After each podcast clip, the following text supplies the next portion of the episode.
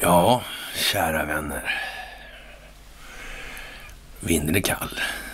Snön, den faller över landet. Och det stora vemodet rullar in som Monica Tenell plägar att eh, sjunga. Ja, det händer en del får man nog säga. Och eh, många, många gamla historier, sagor, legender, myter, hittepå börjar att komma i ljuset av verkligheten. Vi eh, skriver den eh, 22 november 2021. Det är en ny vecka. Ja, och eh, nya veckor de plägar börja med måndagsmys. Ja, vi eh, tar väl och rekapitulerar lite kanske till att börja med. Hur var det med den här uh, damen som uh, blev utfrågad i USA där? Ja, den här Omarova som skulle handla om banktillsynen som är kommunist. Kommunist vid någons barm. Undrar vems barm det här kan vara, tro. ja, det går ihop sig. Det konvergerar allt mer. Optiken blir klar. Det handlar om att människor ska förstå. Det handlar om folkbildning. Det handlar om folkbildning. Det handlar om folkbildning. Varför då? Jo, därför att människor måste förstå. Människor måste förstå vad det är som de upplever här och nu. Och det är här och nu som människor måste förändra sig. Det är enda gången någon kan förändra sig faktiskt. Det är nu, aldrig annars. Det går inte. Ni ska ha det största av tack. Absolut. Det här är fantastiskt. Vilket gäng. Vilket gäng. Man får nästan känslan av att eh, ja, det ska vara på något vis pelare. Jag vet inte hur många. Men eh, den yttersta spetsen kanske är på 222. Vem vet? Det kan vara en central punkt i många betraktelser. Ur många perspektiv. Vi får se, helt enkelt. Ja, det görs olika saker och vi rekapitulerar lite därför i det här. Och vi kommer ihåg att eh, myndigheter i USA sa då att det här med tvångsvaccinering, det går inte, det strider med konstitutionen. Vita huset gick ut direkt och sa företagen kör på ändå. Det är bara pang liksom. Ja, hur kommer det där sig egentligen? Tror man att det är bra att bilda opinion på det sättet? Får man folk med sig? Får man folk emot sig? Vad är det som händer egentligen? Och där kommer vi in på nästa pilsner i det här sammanhanget. Vi har ju fått upp en liten debatt angående hjärntvätt, skalärvågor, för detta advokater och så vidare. Det finns människor, grupperingar till och med, som inte vill veta av det här med diskussionen kring eh, skuldmättnaden, det valutafinansiella systemet, underrättelsetjänstkollektivets roll för det moderna krigets förande, den strategiska opinionsbildningsmässiga planeringen. Det finns ingen eh, samverkande, koordinerande, motsatt kraft till den djupa staten, är det deras förmenande. Då spricker hela deras resonemang. Så så kan det inte vara. Det måste vara på ett annat vis. Det måste vara aliens kanske. Rymdödlor. Annars håller inte resonemanget sträck. Det måste finnas oförklarliga storheter i det här.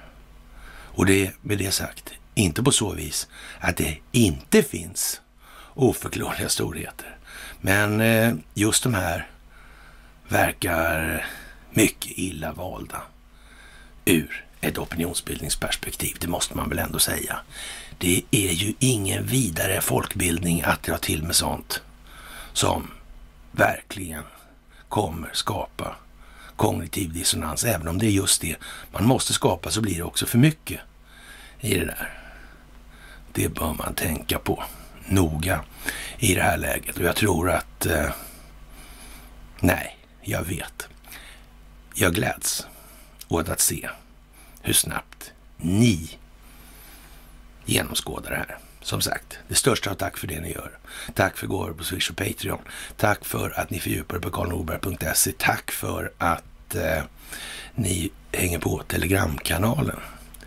Och eh, ja, Sesam har väl öppnat sig lite grann. Det verkar som att väldigt gamla sidor helt plötsligt är sökbara på internet på ett helt annat sätt. Till och med Aftonbladets gamla bloggar där från, ja, från i början på 2000-talet och ett antal år framåt där, verkar ha börjat dyka upp igen i en vaktmästers blogg. Finns helt plötsligt sökbar igen på ett annat sätt. Kommentatorsfälten finns kvar. Mm. Vem har sagt vad och när? Hur länge? Varför? Andra har sagt vad då? Med vilket syfte? Historien kommer ikapp. Vingslagen dånar. Det handlar om den sanning som bättre beskriver verkligheten kontra den sanning som beskriver ett enskilt nyttomaximeringssyfte. Det är vad det här handlar om. Ja, vi har ju som sagt som vanligt en hel del att ta tag i, i på en måndag så här. Det brukar ju vara så. Och eh, ja, vi vet ju att Boris Johnson, han gör ju vad han kan för att eh, ställa till det lite grann för den djupa staten som han inte är sådär våldsamt förtjust i. Trots att det inte förekommer någon sån verksamhet enligt många då. Men eh, ja, nu ska ju i alla fall då tankesmedjan Tiden de äskar bidrag där nu då för att det sprids lögner om Sveriges roll under andra världskriget och svenska regeringen regeringarna inför och under kriget har beskyllts för att vara nazistkollaboratörer, rasbiologer och medskyldiga till förintelsen. Tankesmedjan Tiden vill därför ge ut en bok författad av historien Mikael Nilsson som bemöter de här lögnerna med fakta om Sveriges roll under kriget. Och de vill samla in pengar och så vidare för det här. Vi kan väl eh, säga så här då att eh, Statens offentliga utredningar 99,20 194 197 och en rätt så stor andel av den här offentliga utredningen är ju faktiskt precis vad det är. Och, och, ska vi kanske inte ta den på allvar och inte det enklare i så fall att man talar om vad som är fel i den då i så fall. Så kan vi ju börja där så har vi, vi kan ju enas om en så att säga, gemensam utgångspunkt för betraktelsen i det här om vi ska skriva eller beskriva vår historia i det här landet. Och det finns ju till exempel det här med permittenttågen alltså. Det är ett ord man inte vill använda längre av någon anledning. Någon ska räkna ut varför. Därför att det handlar ju om permittenter, alltså folk på permission som åkte hem på ledighet från kriget. Ja, så det var inte någon form av dittransport då i första. Varför döpte man det till permittenttåg då? då? Ja, ja. De hade varit hemma på ledighet då. Eller hur tänkte man här egentligen? Mm. Ja, ja, men det är ju lite speciellt. Och det här finns det en mycket berömd eh, passage i det här. Och det har att göra med Socialdemokratiska arbetarpartiets partikongress 1941 i Örebro. Vill jag definitivt påminna mig själv om. Mm. För handlingarna är officiella. Okej, okay. ja, men, men visst, så kanske det var ja. Aha. Och så var det Per Albin ja. Och Per Albins demagogi groggy vals. Jaha, ja ja. Och Törnell som sköt bomsalver. Jaha, kanske det fanns en baktanke. Kanske det var planerat. Kanske, ja, hur var det med Hermann Göring inför förhören i Nürnberg? Blev han intervjuad av någon? En svensk? Kanske? Fanns det någon risk för anfall på Sverige överhuvudtaget? Hade det någonsin funnits det? Så vad sa han egentligen där? Varför, varför fanns det ingen sån för? Om man tittar på den här 99,20, hur, hänger det, hur kan det möjligen hänga ihop? Om vi då bortser från detaljen att Hermann Göring och Adolf Hitler bommade att Warburgbanken var så att säga ägd av judar. Från 33 till 38 missar de den detaljen. Underrättelsetjänsterna gjorde ett superjobb alltså. Eller kanske inte möjligtvis var det så, utan det var kanske på något annat sätt. Ja, ni känner ju till det här och ni vet hur man går eller gör en Kalle Blomkvistare. Så det är ju inte mer med det. På tal om andra som sitter där de sitter, Storstalin. Han säljer nu bokaktierna till Bonniers. Det var ju så att säga inhouse. Det var, ja, han sålde uppåt helt enkelt lite grann där och eh, ja, ska vi säga Kopplingarna Bonniers-Wallenberg behöver väl kanske inte eh, fördjupa oss i sådär mycket mer längre. Jag tror det räcker att kolla på Wikipedia faktiskt numera till och med. Och eh, Storstalin har ju faktiskt bolag ihop med Wallenberg och Vimal Kovacs, Sturbolagsgruppen här. Så det, någonstans känns det lite grann som att vi, vi är lite på samma punkt va? och snurrar oss lite runt och tittar om det är något som händer och sådär. Lite grann så. Konvergensen börjar ju så att säga minska i rörelsen så att säga. Det börjar ju bli tätare. Det kan man ju milt uttryckt konstatera faktiskt. Jaha, och i tennis så har man ju en massa fram och tillbaka rörelser i det här och eh, de har ju den här tennisdonnan då som har försvunnit på något verkligt vis, märkligt vis då och eh, då, ja, när tennisorganisationen VTA kräver att Kina bevisar att den försvunna spelaren Peng, ja, det är helt makalöst med de där namnen alltså. Shuai mår bra, rapporteras CNN. Alltså kvinnor ska respekteras, inte censureras, säger VTA-chefen Steve Simon. Och eh, ja, han understryker att tennisorganisationen är redo att dra sig ur Kina och möta de konsekvenser det innebär. Det här är helt klart större än affärerna. Vänta här nu, vad säger de nu här? Vadå större än affärerna? Var det inte tennis det handlade om? Det är liksom, det kom in pengar i det här också. Förresten, vem var det som sponsrade de där tennisspelarna där tidigare? Det vet jag. Alltså, vilka var det? Det var Ericsson, ja.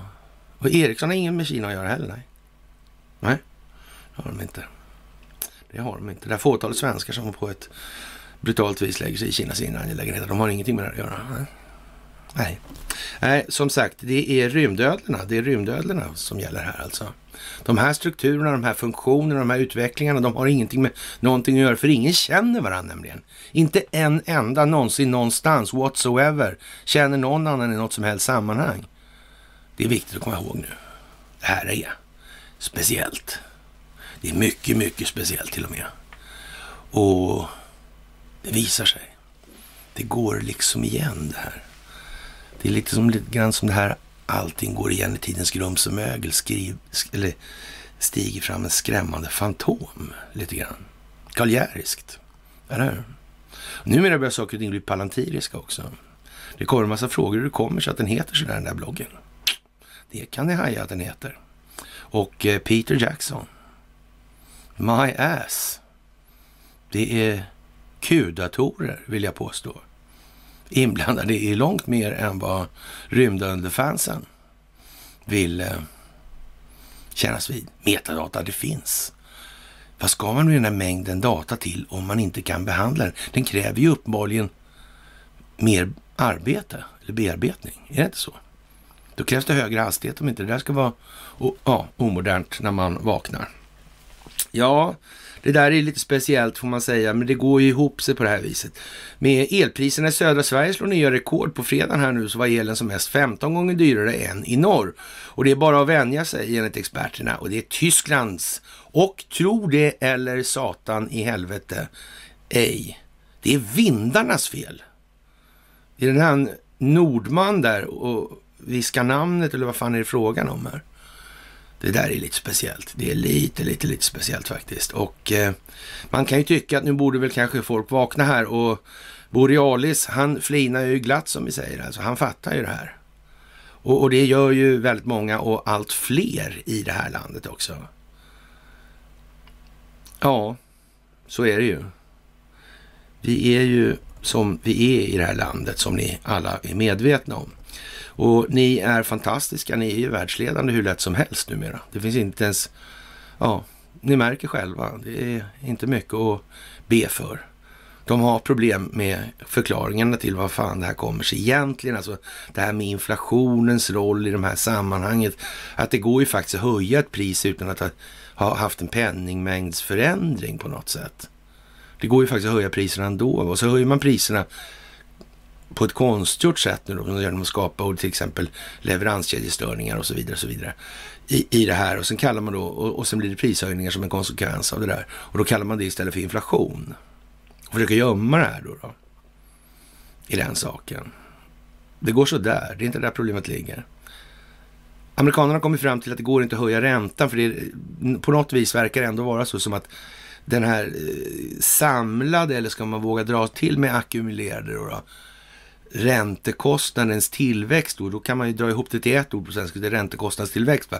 Då blir det ackumulerad räntekostnadstillväxt. Den verkar ändå utgöra någon form av problemställning som inte alldeles klart framstår som någonting alla vill diskutera i det här. Nej, och i det här läget kan man ju säga så här också, när det gäller USA nu så har ju de en annan problematik i då så att säga sin eh, ja, kognitiva socialpsykologiska formatering då i, i befolkningen. Så är det ju, då får man ju ta det efter det. det. Så har det ju varit. Det går ju inte att ta det här. Eh, man kan då, ja, med hänsyn taget till de här, jag beskrev i början här med de här gamla bloggarna då från ja, tidigt 2000 och det här. Eh, ja, man, man, kan ju se hur länge, det var ingen sådär det blev inget genomslag på det sättet. Å andra sidan så, det var, verksamheten på nätet var ju faktiskt ingenting. När, egentligen värt namnet då. Ja, före plattformarnas tid. Men, men sen ska man säga så här också att det innebar ju också att Ian Wachtmeister och Carl Bildt, de här, han stängde av mig ganska snart kan jag väl upplysa om. Carl Bildt alltså. Och eh, ja, det, det blev ju lite som det blev helt enkelt. Det blev dålig stämning på den tiden alltså. Och ja, men nu börjar de här så att säga, gå och ta fram igen. Då. Och, och, i det här kan man ju rota då till exempel på sånt här som... Det är en speciell dag idag då den här 22 då till exempel november då i Texas. Ja, sådär då. John F Kennedy och sen kommer det några punkband där också. John, eller ja, sådär Dead Kennedys och sådana här prylar. Och de hade visst tänkt till lite grann. Och så. För övrigt blev Angela Merkel faktiskt förbundskansler samma dag också. Och det verkar gå så där lite i Tyskland. Varför känns det som att det var ett sånt, ska ju bli sånt problem då med den här gassituationen i Europa i allmänhet och för Tyskland då i synnerhet skulle man kunna säga. Är det det stora problemet? Är det det stora problemet? Vad sägs om det dyker upp ett valfusk? valfusk? Finns det ett valfusk anmält? Ja, det gör det ju. Vad kan det ta vägen någonstans? Vad kan det här landa i för någonting? Förresten, var inte Tyskland på något vis insyltat i det här med amerikanska valet? Var det inte några tyskar där? Kan det vara så att det finns ja, operatörer, eller vad ska vi kalla dem för, eller representanter för den djupa staten inom tyska militären? Nej, kan det väl inte vara. Så kan det inte vara. Skulle någon ha sagt något såklart. Så kan det ju vara. Visserligen har ju de lite konstigt påbrå i Tyskland, det måste man ju säga med den här Reinhard Gehlen då, som var då nazistisk underrättelsetjänstchef då. Så. Men han var ju polare med många svenskar, det ska man ha klart för sig också. Mm. De hade ju fingrarna i den här Haijby-affären. Ja, men vänta, det var inte någon sån här rättsrödeskandalerna tror jag. Men, var det inte så? Var det inte så? Den där Moberg var visst med i de där också, va, tror jag. Och den där Moberg, var inte han med i någon sån här orden? Eller något, någon sån här Ingen riktig sån där orden där de dricker blod och såna prylar. Utan någon lite mer lugnare variant. Alltså det är inte bara incestuös pedofili, djävulsdyrkan och eh, adrenokromorgasmer. Utan eh, lite mer stillsamt alltså. Så. Mm. Men det sitter inte ihop. Det sitter inte ihop. Och framförallt inte på det här mera, så att säga, översiktliga och ändå ganska lätta att belägga sättet att göra. Det är inte det sättet vi sitter ihop nej. Vi sitter ihop på ett annat sätt som vi i så fall inte förstår och så är dolt. dolt. Ja. Hur vet du att det är så? Då frågar man lite snällt då i förekommande fall. Ja, det, det är så bara. Ja, det får man acceptera nu alltså. Och, ja, ni ser ju själva, det här är ju lite grann. Mike Lindell, han har ju en liten detalj då som kommer upp i dagens ljus i morgon då och han hamnar alltså i högsta domstolen i USA med ett av sina case angående det här valet. Det är imorgon. Och så sker det andra parallellt. Mm. Det är ju inte bra alltså om det blir ett lag, om det kommer upp i högsta domstolen när det börjar spridas och så vidare hit och dit och massa människor får syn på det här och observerar. Och då, då, inte nödvändigtvis bara, bara, bara liksom eh, rakt, kort och enkelt. De kanske observerar lite med ett vidare perspektiv. Så. Över ytan och ser runt hörnet och står uppifrån och tittar. De vet vad som finns på andra sidan. De förstår vad som kommer. Och de förstår att den här djupa staten verkar finnas i USA, till exempel.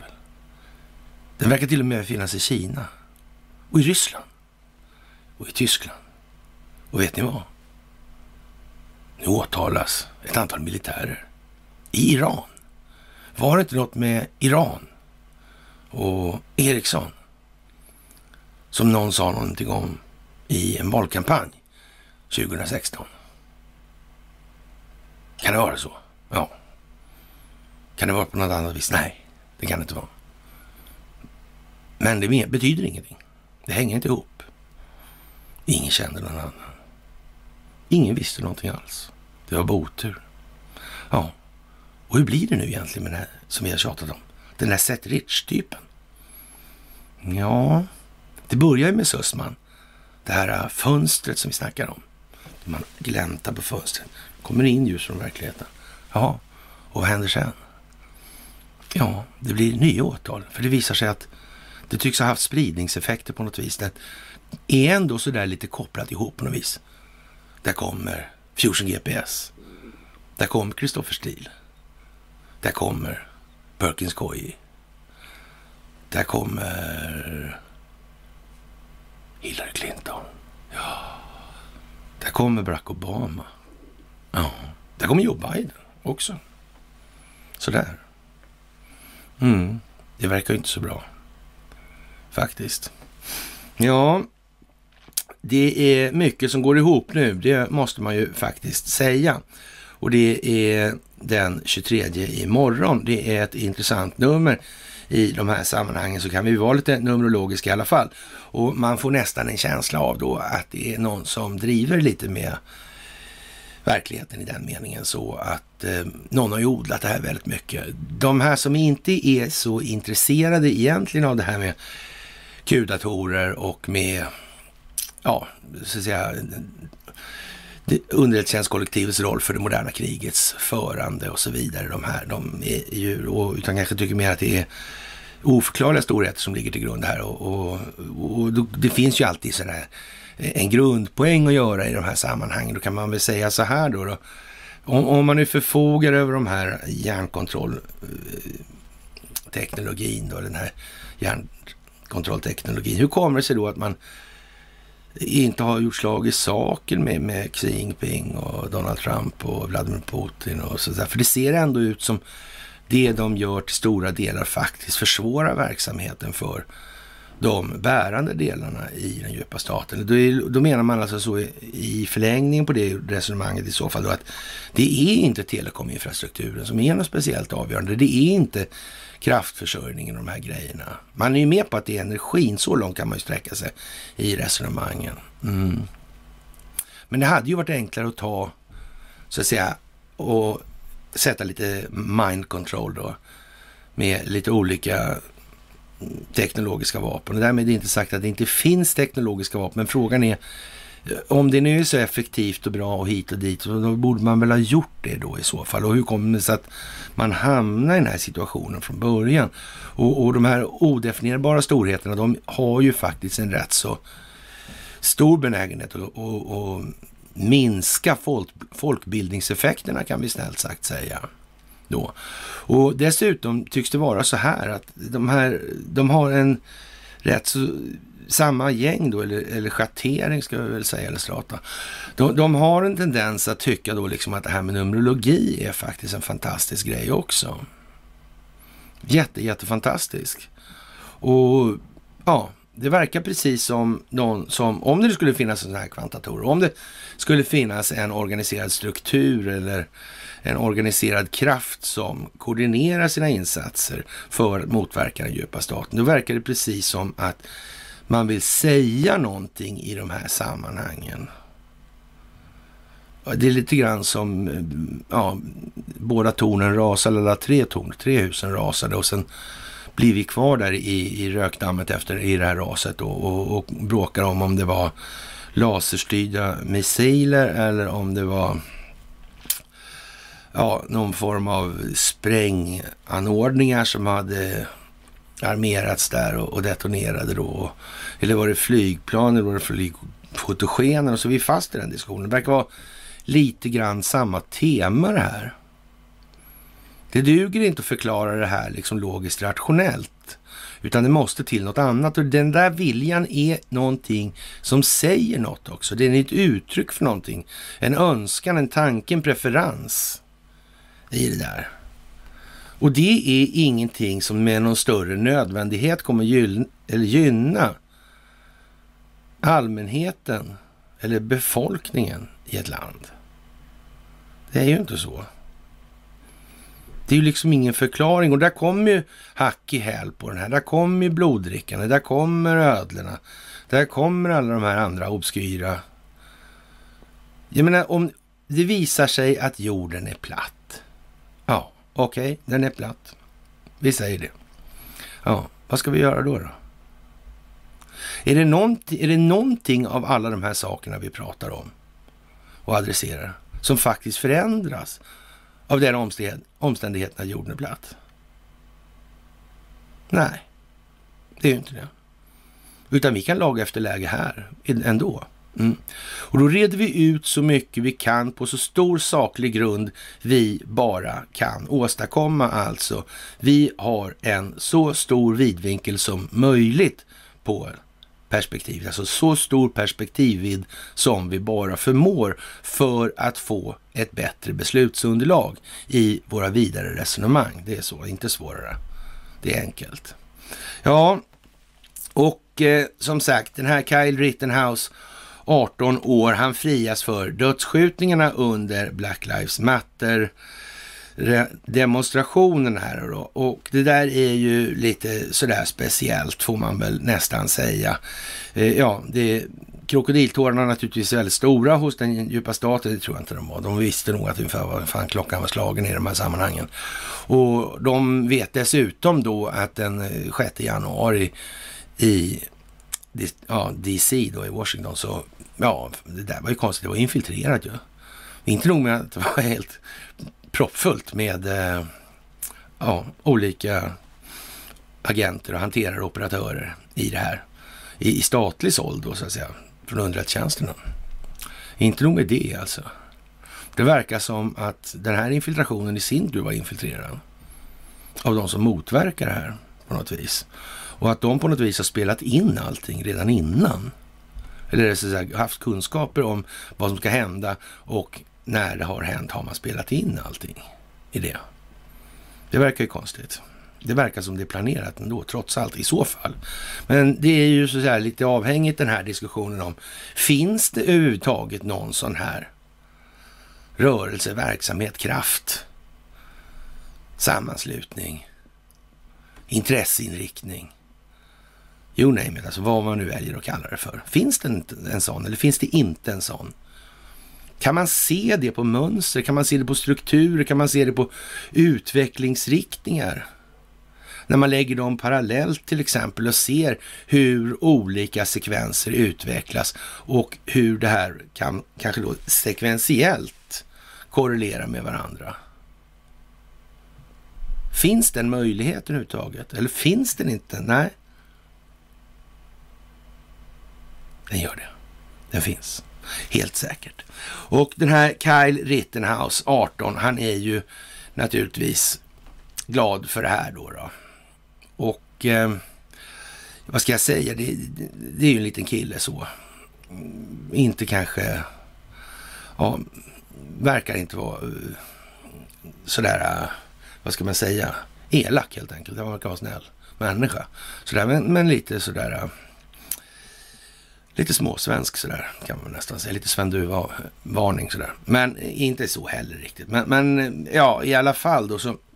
Det är ju otroligt märkligt då i det här kan man säga att eh, han blir ju alltså anfallen då av ett antal människor då som, ja, han upplever försöker ta livet av honom och därför försvarar han sig då med det här automatvapnet han har då. då.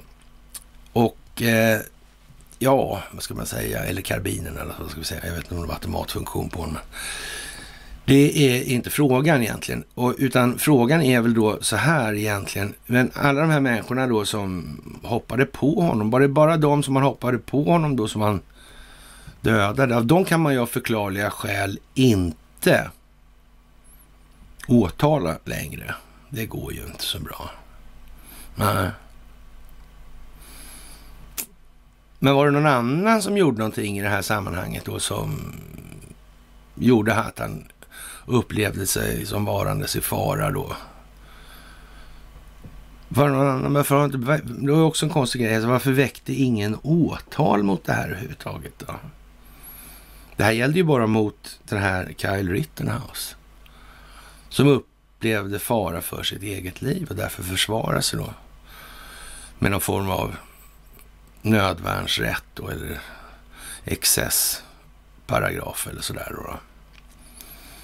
Och, och, det var väl det är ju inte så mycket att diskutera den rättsliga grunden i den saken. Den är väl som den är. Va? Men frågan är, fanns det inte andra människor som gjorde någon form av övertramp då i de här sammanhangen? Det var väl inte bara de här två ändå då? Eller hur var det där egentligen? Men det väcktes aldrig något åtal mot dem. Utan det här var själva grejen. Man kan säga att det här speaks volume alltså. Det gör ju det. Men det är också så här. I USA är det tillåtet med brottsprovokationer. Är de så jävla dumma så de gör det så, då får de skylla sig själva. Och det kan man väl säga så här, är inte det en signal som heter duga? Är det de som undrar varför det inte har blivit jättemycket våld och förstörelse den här gången när han blir friad? Därför att Antifa förstår. Och de vet inte själva vilka som är infiltratörer i de egna leden. Det kan de aldrig veta. För de som är det, de kommer inte tala om det. Det finns inte en möjlighet. Och tänk det så här enkelt. En underrättelsetjänst har inga som helst svårigheter att sätta press på människor i sådana sammanhang. Det är bara att skaffa sig lite hållhakar och med den avlyssningskapaciteten som man har idag. Då är det som det är. Då får man fan ligga i om man ska klara sig undan. Det är helt säkert. Ja, det här kommer naturligtvis bli en massa Antifa vad det lider och det är naturligtvis trevligt för Mattias Våg. Och så ska vi inte dra den här storyn med Tyskland och eh, ja, den amerikanska uppfattningen om att Antifa styrs ifrån Europa. i USA. Då, amerikanska Antifa styrs från Europa. Och eh, ja, alla kunde väl konstatera var Mattias Våg befann sig där i München, så har vi alla tagit upp det här den här gången också i alla fall. Jaha, och eh, det är ett utbrott av vikinganyheter som vanligt. Och i de här sammanhangen nu för tiden så kan man väl eh, ja, säga att dels så verkar inte geografin riktigt kompatibel med dagens eh, uppfattning, åtminstone inte enligt den här ja, Mercator-projektionen då sådär. Och, och, det är en hel del som är lite udda nu och eh, det faktiskt dyker upp massa nya bevis för hur vikingar har rört sig hit och dit och det här är ju naturligtvis Eh, får ju en konsekvens. Då bedrev man handel på andra platser och, och sen skaffade man sig ökat inflytande och så vidare i de här sammanhangen så har man helt plötsligt fått då en geopolitisk signifikans på det här eh, vikingaspektaklet som vi knappt vet. Eh, vi vet att det fanns någon som hette Ansgar ungefär då. då. Ja, men lite så. Och där någonstans runt 800 och sen är det bara blint alltihopa. Det verkar som att några är intresserade av att, tala om att äh, vi kanske måste reda ut själva fundamentet i det här, alltså så vi så att säga kan komma vidare. Ungefär som man kan tänka sig att man borde göra när det gäller de här historierna om eh, andra världskriget. Tankesmedjan tiden, tiden och deras idé där. Fast de skulle ju inte liksom göra det på det viset, de skulle göra det på ett lite annat svenskt vis. Rent av Stockholmsbyråkratiskt. Ja, det där är ju så tjusigt. Och som sagt, de i, på tiden kan man ju tänka på att eh, ja, det finns trots allt de här handlingarna från partikongresserna och det kan ju vara lite knöligt i det här läget skulle jag vilja säga. Ja, och eh, Donald J. Trump, han pratar om eh, the Trump card. Det har med ekonomi att göra, häpnadsväckande nog. Och det har med, ja vad ska man säga, någon form av skuld då, då sådär. Och, ja, skuldtaket liksom.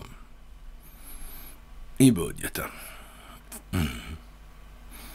Och tillväxten måste ju öka, alltså för att inte då realekonomin ska nypa ihop likviditetsmässigt då på grund av den saknade likviditet som krävs för att underhålla den ackumulerade räntekostnaden i realekonomin.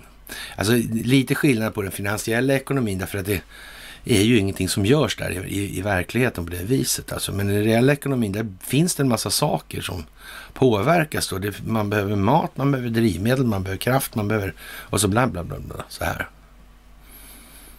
Mm, och det system som är konstruerat för det här, det är för, konstruerat för att gynna ett allt färre fåtal, ett allt mindre fåtal alltså, som ska gynnas allt mer på allt fler människors bekostnad. Det ligger ju liksom i sakens natur med det här.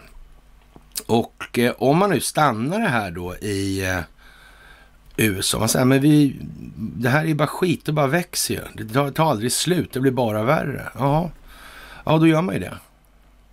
Då gör man ju det. Mm. Och sen får man ta tag i det där i så fall kanske. Alltså att djupa staten har ju tänkt sig från i första läget då har man ju tänkt då att man ska ha den här covidiotin som då scapegoat och det ska vara den som förklarar det här och så vidare. Och så vidare. Men det här gick ju inget bra alltså. Det gick ju dåligt. Det blev ju fel. Det blev någon jävla förskjutning där på något vis liksom. Och, och nu är det rena kaoset alltså. Nu är det ingen som tror på någonting i de här sammanhangen. Och det verkar helt plötsligt som att den här covidiotin, det blir en hävstång alltså. Där folk liksom, men vad är det här för dumheter? Nu är det ju inte sant någonting här de här eh, konstiga vaxgrejerna där, de, ja, man smittar till och med mer alltså. Och det skyddar inte. Man blir sjuk i alla fall. Ja. Och, och nu, nu har det gått så långt så nu ska man då, för att de här människorna som är vaxade då inte ska vara oroliga att smitta de som inte är vaxade, så måste de som inte är vaxade vaxa sig. Ja, det kan ju inte behövas ta en 50 varv till runt den granen, men ja. De flesta nu börjar ju förstå att det här verkar inte så lyckat alltså. För att inte säga rent misslyckat. Till exempel. Ja, men så. Och eh, vi kan väl säga så här, trots coronapandemin, färre dödsfall på en del institutioner i alla fall då. Och universitetssjukhuset i Linköping är en sån institution och färre avled på universitetssjukhuset i Linköping 2020 än 2019. Trots covid-19 uppger Region Östergötland och jämför, som jämför dödstalen och gått genom journaler. Resultatet är lite förvånande med tanke på den kris vi ställdes inför och trots den kunde vi upprätthålla en god kvalitet på sjukhusvården och det är väldigt positivt. Den främsta anledningen till att vi lyckades är att våra medborgare gjorde ett fantastiskt arbete under den här tuffa tiden, säger då en herr Stefan Fransén, medicinsk direktör på regionen i ett pressmeddelande. Och någon överdödlighet har ju dessutom inte syns röken av i de här sammanhangen. Vad är det här för något märkligt egentligen?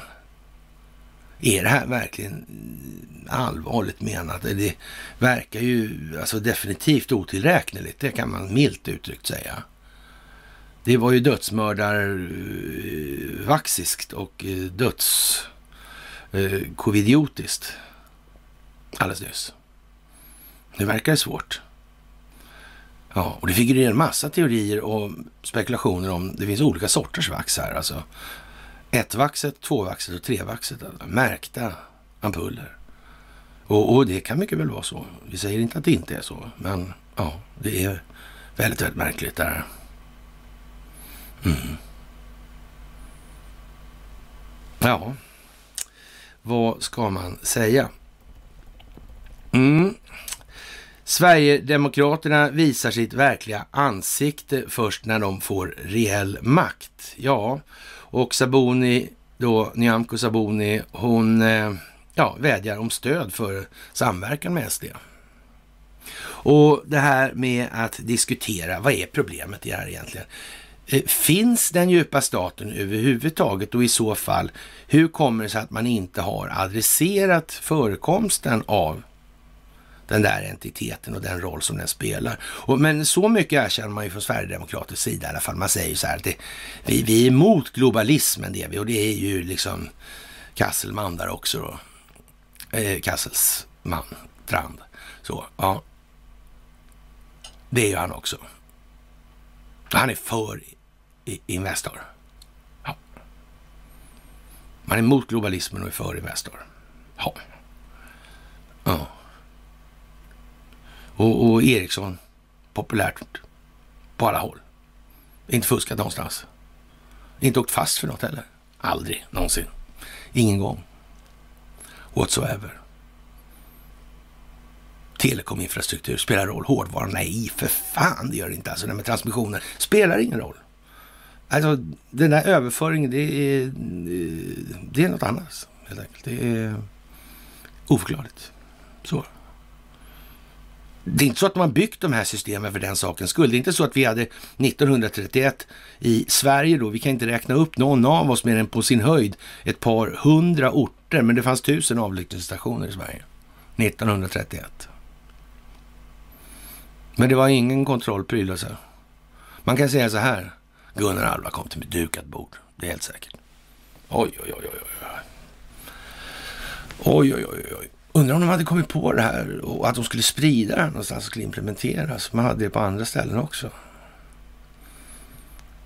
Undrar om man liksom förstod det här att man inte skulle ha annat än politiska marionetter i något som helst sammanhang.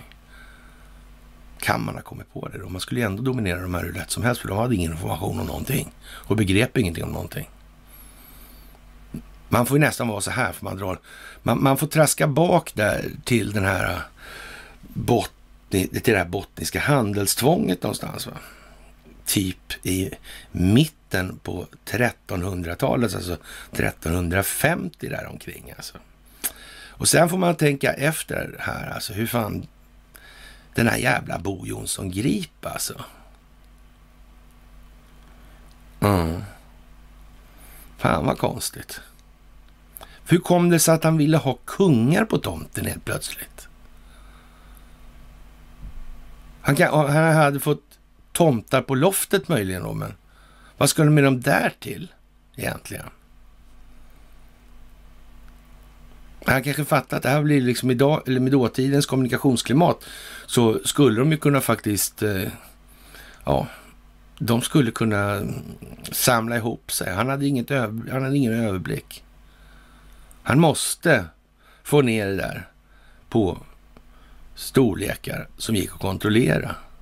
Det gick inte annars. Det fick liksom bli någon slags jävla vasallkungar där. Mm. Det var bara på det viset. Ja, ja, det är lite sånt. Jaha, och eh, det verkar ju tydligen så här att Joe Biden, eller underlivsporslinet, han har ju då eh, sagt en massa otidigheter om den här Kyle Rittenhouse här och det kanske inte var så helt lyckat och det visade sig nog att det, alltså, ja, vad ska man säga, förtalsadvokaterna då, Lin Wood till exempel, de här tycker att det är ett rätt bra case liksom. Mm. Ja, ja.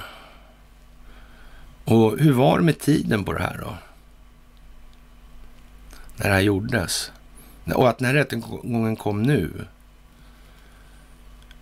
Vänta nu. Men när han gjorde de här uttalandena då? Och det var väl som sån här white supremacy och de här grejerna, var det inte det? Vit makt. Mm. Det var, men var inte det innan han var president? Den här historien, den här rättsliga soppan har ju dragit ut lite på tiden också. Sådär. Mm. Hur är det med hans åtalshumanitet? Och vi, givet vi då låtsas att han är resident då. Nu, om man ens är det alltså. President är han inte, resident möjligen. Men det verkar inte heller vara riktigt så, så mycket med den saken också. Då är han väl i alla fall ett ganska enkelt offer för en rättslig process i, den, i det sammanhanget. Kan man väl säga. Ja, kanske någon har tänkt på det där. Kan det vara så i det här? Och man har haft de här brottsprovokationerna igång hur länge som helst. Kan det vara så? Ja, det kan det faktiskt vara. Det får man nog tillmäta eh, ja, en viss trovärdighet på så vis. Ja, vi ser väl att det är fördelar med svenska kasinon som använder Swish och gör korrekta utbetalningar då. Eh, ja, vad ska vi säga? Att man då i Sverige ägnar sig åt att vaska stålar med hjälp av de här spelbolagen och att den vaskningen är någonting som inte har passerat då Sex, eller Security Exchange Committee obemärkt då, eller Commission. Det är någonting som man faktiskt, eh, det måste man också konstatera vid det här laget. Det är som det är nu helt enkelt.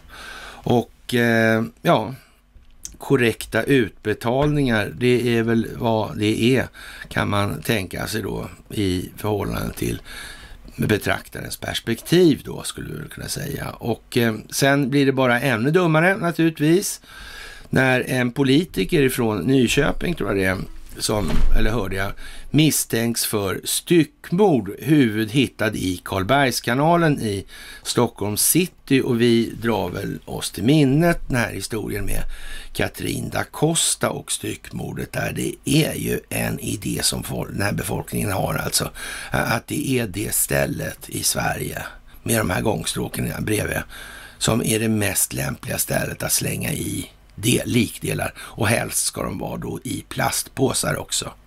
För säkerhets skull. Så inte några fiskar äter upp dem.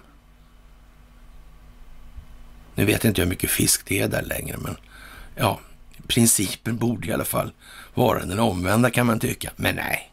Och när man kommer in på de här grejerna, då kan man ju säga så här att Ja, den här Nyköpingsadressen är ju intressant ur några perspektiv, men det kommer vi kanske tillbaka, eller kommer tillbaka till nu strax. Men det är ju definitivt så att de här obducenterna, de hade väl ändå någon koppling till den här äh, Valverus, va? Milan Valverus, vad hette han eh, då? Det var Solna rättsläkarstation det där. Va?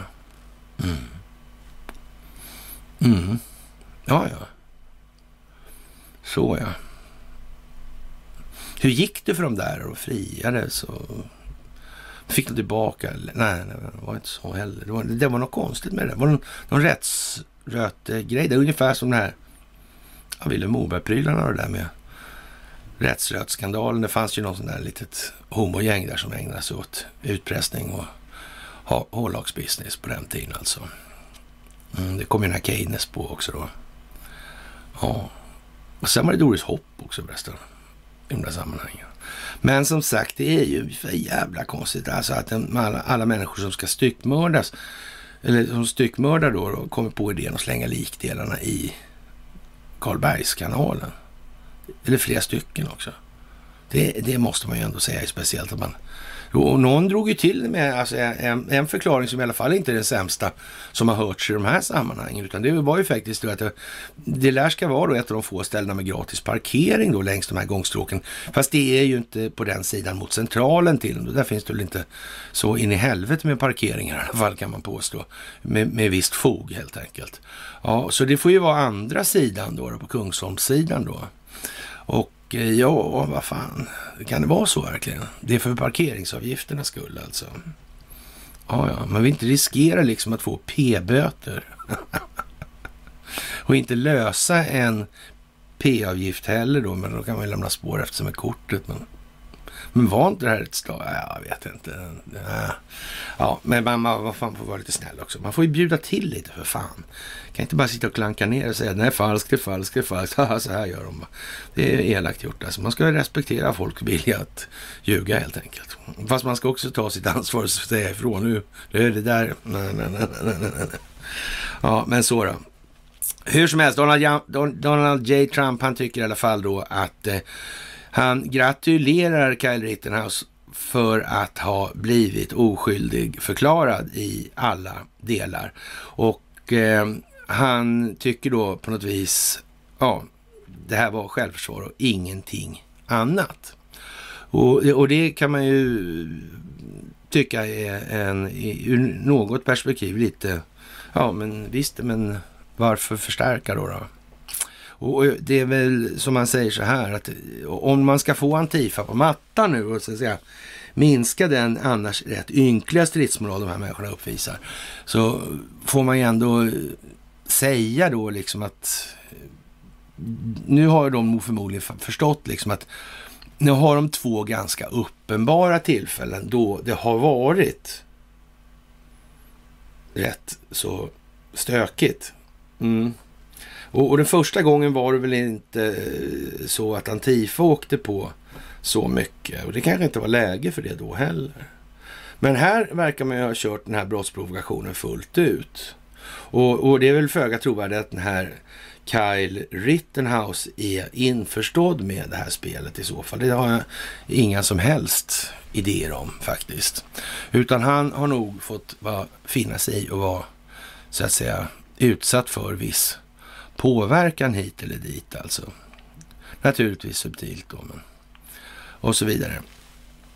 Och eh, ja, man kanske kan kalla det för mind control.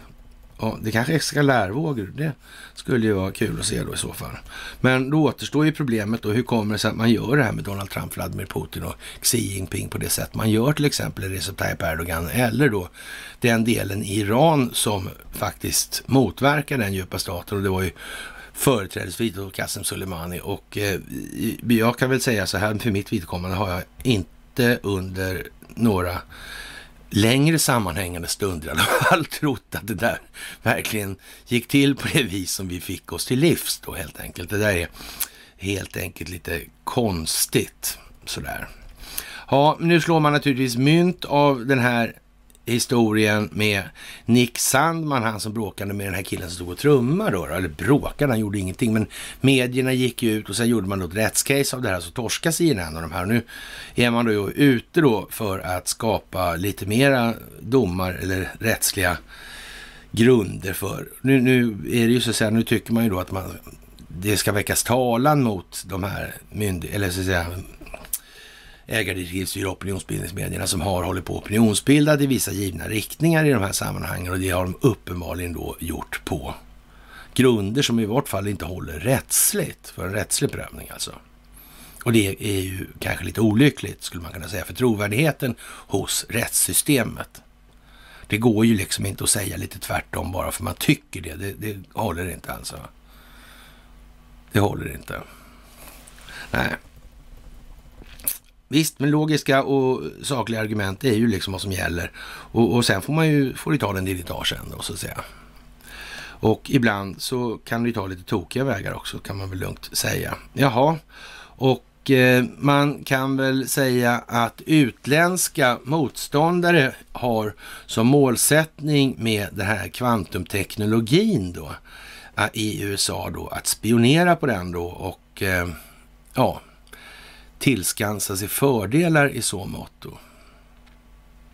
Ja, men man kan också säga så här att eh, för att kunna tillskansa sig de fördelarna så bör man i alla fall finnas inom ramen för den hårdvara som utgör telekominfrastrukturen. Och gör man inte det, då kan man nog skita i det där med kvantumdatorer och kommunikation överhuvudtaget. Då. Det är liksom, det ena förutsätter det andra i den delen. Mm. Och utan ström går det inte heller. Och råkar det vara samma operatör på både kraftförsörjningen och den telekominfrastrukturella hårdvaran, ja då är det illa helt enkelt. Då har man varit lika smart som en diktator under 1900-talet som hade det gemensamma särdraget då allihopa, att de fattade aldrig det där, någon av dem, en enda gång. Det var aldrig någon som ställer till en halvrevoltare eller sådär för att eh, ta tag i det här med telekominfrastrukturen och kraftförsörjningen. Nej, de kom aldrig på det liksom. Mm. Och länder som Argentina och Brasilien och det här, de fattade aldrig det här heller. Mm. Och det var mycket, har varit mycket med Argentina och Brasilien. Chile. Mm. Hela Latinamerika. Vi har tjatat om det hur mycket som helst. Det är bara att använda sökrutan på bloggen. Det är fantastiskt. Ja, det här är fantastiskt. Vem var Caligula egentligen? Det kan man ju fråga sig. Och eh, när Donald Trump har släckt, eller släppt ett dokument, eller säga en bok, och han tycker den heter Vår resa tillsammans och översatt till svenska då utan att den har kommit på svenska än. Men vi får väl se vad den heter. Den kanske inte just heter så. Och skulle det visa sig att eh, rättigheterna köps upp av ett tryckeri, det har nämligen hänt förr, eh, som modus operandi, att man har så att säga, köpt upp rättigheter till en bok då. Och eh, ja, sen kanske det inte har kommit någon stor upplaga av det här. Om man tar den här um, Haijby-affären och Keynes-affären, rättsröte-grejerna. Hur var det där? Var det inte någon bok där också? Ja, men hur var det där? Var det inte så att Rikspolisstyrelsen eller motsvarande då Polismyndigheten köpte upp den här boken, hela upplagan och förvarade den i någon källare där på polishuset. Var det inte så lite åt det hållet? Va? Jo, det var det nog. Ja. Så var det ju. Mm. Ja, det är konstigt det där. Alltså, fantastiskt hur det här går till. Och eh, ja, det blir vad det blir nu och det drar ihop sig. Det är inte precis ljusår emellan de olika förloppen, varken i sida eller djup, så det är precis som det är. Kontot kapat, universitetet Bitcoin twittrar och Örebro, Örebro universitets Twitterkonto har pumpat ut en massa historier om eh, ja, bitcoin. Det här är ju fan lite sådär eh, halvlarvigt. De behöver ta tag i den här frågan ordentligt nu här nästa vecka. Det är ju en säkerhetsfråga där vi behöver se över våra sociala medier, säger Sara Arvidsson till ja, eh, SVT. Vem som ligger bakom de här bitcoin-inläggen, det är lite oklart då. Och, men vi vet ju till exempel då att när det gäller den här frågan så vet vi att Hillary Clinton faktiskt har uttalat sig i eh, Blomberg då, fast hon var i Singapore, har jag för mig. Och det, vi kommer tillbaka till det också. Så det handlade väl lite grann om bitcoin det där va? Och det var en risk för att de, det var lite om telekominfrastrukturen och, och bitcoin och för bitcoin måste väl ändå vara så här, det funkar nog helt asdåligt utan eh, telekommunikation. Det, det, gör det väl? Det är väl svårt då med bitcoin, är det inte det? Då, ja. Nej, det var lite tråkigt sagt. Ja, ja. Jag tjurar nu. Jag ska stå på pling så det var marionettglorian höll jag på säga. Ja, eller så säga. Det heter det inte, utan ja, helgonaglorian i alla fall. Och eh, ja, vad ska vi säga? Det här med bilarna. Datastrul toppar, stoppade tusentals Teslor. Ja, det här med våran miljöidé eller våran klimatidé om tillvaron, den är, det här är ju någonting som är lite annorlunda och det har ju gått otroligt fort det här med vattenkraften sista tiden, den här sista veckan. Och vi har ju faktiskt försökt flagga upp det här lite grann och gått där och sparka en sten framför oss och surat då liksom i åratal för det är ju för jävla ynkligt liksom att sett de här laxarna då, hur har det blivit? De, de blir mycket, det blir mycket färre och det blir mindre och så vidare. Om man säger så här då i kanske runt 2000, ja vad ska jag säga, 3-4 där någonstans. Då, då man säger så här i, i nedre delen av Östersjön ska jag inte heller säga, men om vi säger så här, ett, ungefär i Tuberg örlogsskola vid vid Vitsån, då, då kunde man ju tydligt se nedgång då när de skulle leka laxarna då. Och de blev mindre och färre helt enkelt. Alltså, och, och så sett historiskt, det här var en sån här övning man alltid åkte på, en grej man alltid gick på liksom. Eller, ja, man, man gick ner och kollade på det där och det var ju hur häftigt som helst alltså. Men eh, det blev mycket mindre, men det var ju en väldigt liten bäck då till exempel, den där då. Men, och man förstår ju liksom vidden av fiskbeståndet om man tar den stora älvar, man tar Indalsälven, men det, det är väl ingen som kommer på det. Hur fan simmar en fisk uppför i anslutning till den här jävla dammen i Timrå liksom? Och, och när det gäller då eh, Ljungan till exempel, det, alltså de har ju möjlighet att släppa tillbaka 0,5 procent Annars påverkar de kraftproduktionen. Det är ingenting. Den är fullt utbyggd alltså. Så, och det är den som går först för den här granskningen. Och det här är ju någonting som är, ja, det är ju mycket med det här. Och hur farlig är kärnkraften då? Vet vi det? Vi vet ju i alla fall att medierna har drivit en ganska så stark propagandakampanj för att förklara hur farligt det är. Det är vi helt säkra på. Det har vi sett och kunnat följa ända från bombningarna av Hiroshima och Nagasaki men man glömde tala om att sen slutade man använda uranbomber. Sen blev det vätebomber. Sen var det drivladdningen som var uran möjligtvis då. Ja. Det glömde man på något vis att ta med i den här grejen. Vad man sen ska med en sån här jävla smäll till rent ja, strategiskt eller taktiskt operativt, det är kanske lite svårförklarligt. EMP-delen är i och för sig användbar när det gäller påverkan på elektronik och sånt där. Det ska man inte sticka under stol med. Men eh, ja, Teslas vd Elon Musk, han tycker att det här problemet är på väg att åtgärdas. I alla fall han bad om ursäkt för det här och han ska se till att det inte händer igen. Men han gör väl vad han ska kan vi väl kanske säga också då sådär.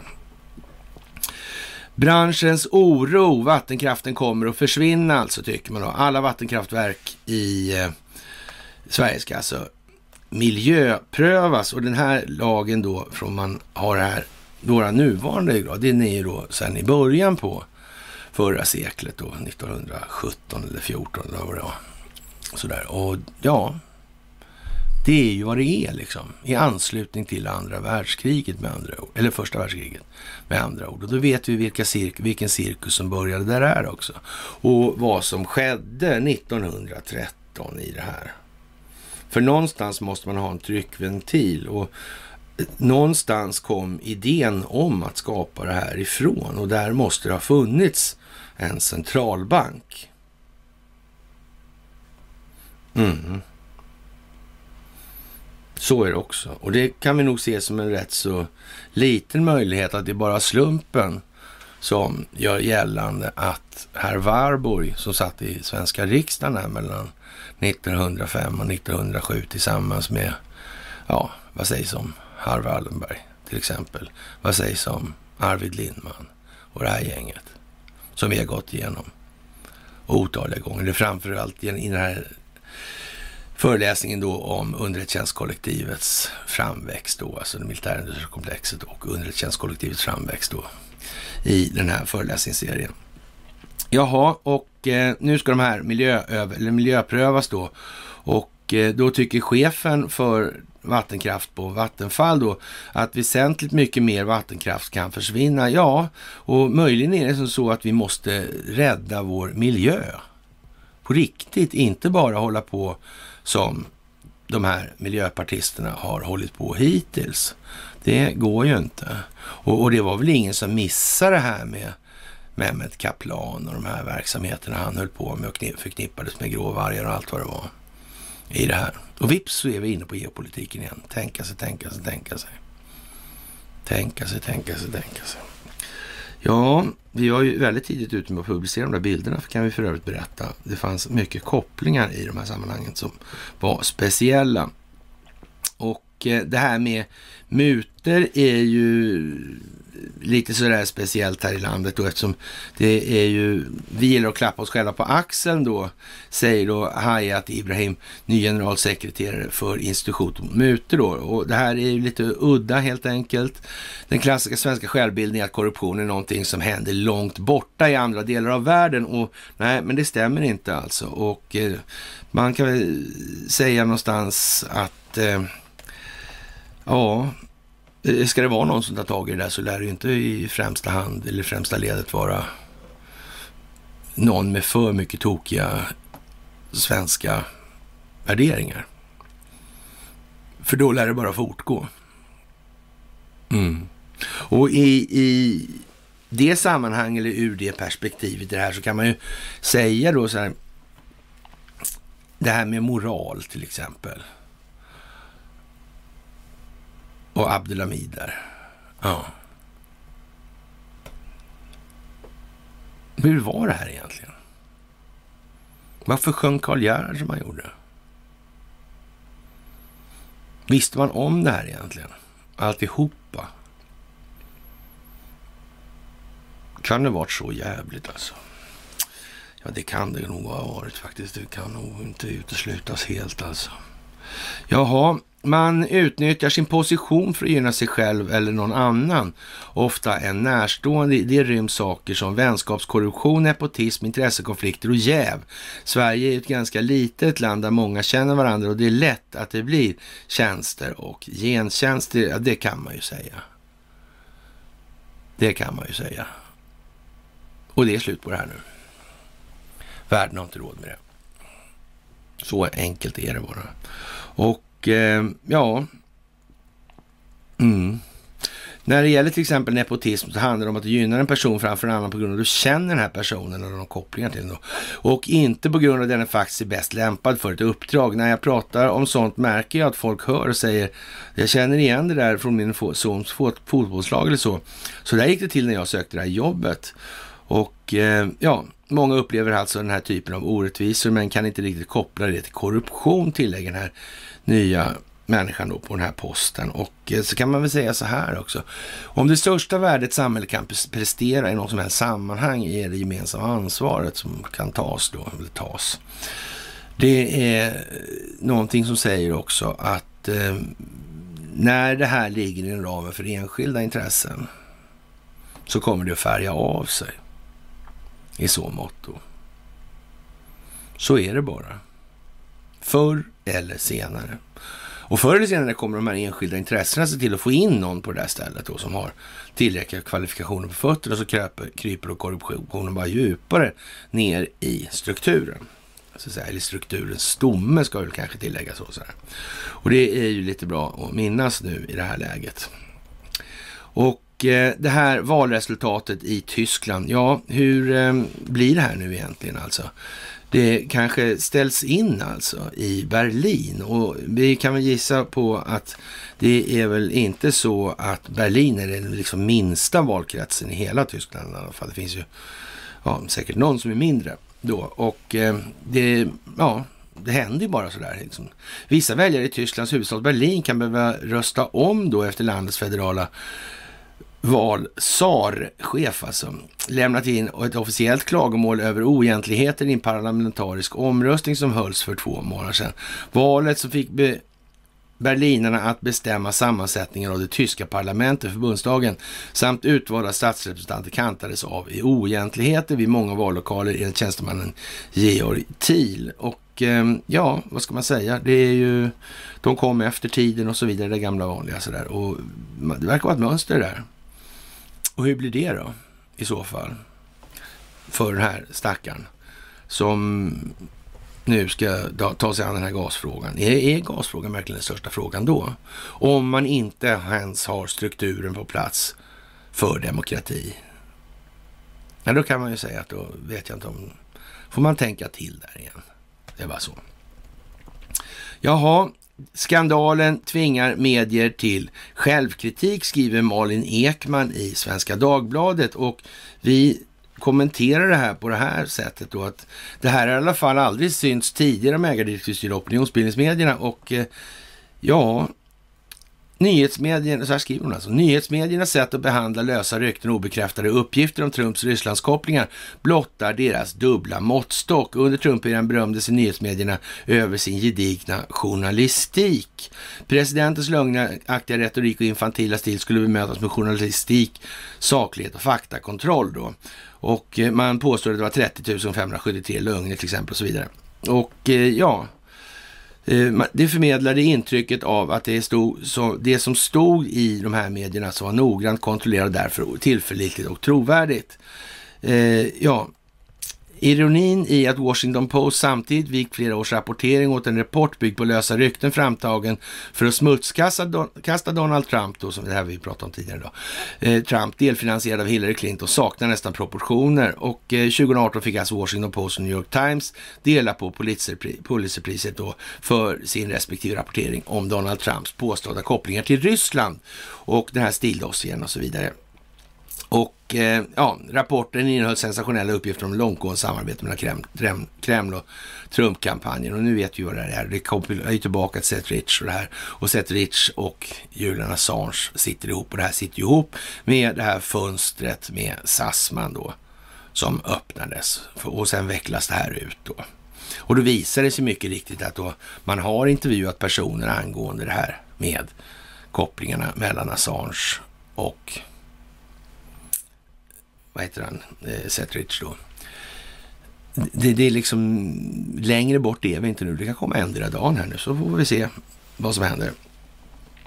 Och eh, nu har man ju då, det har ljugit, ljugits en del i de här sammanhangen och man kan väl säga så här, det, det, hon matar väl på här och de är ju tvungna nu, alltså det går inte, annars kan de ju eh, ja, lämna dörren öppen, höll jag på men bara gå hem från jobbet och aldrig gå tillbaka igen.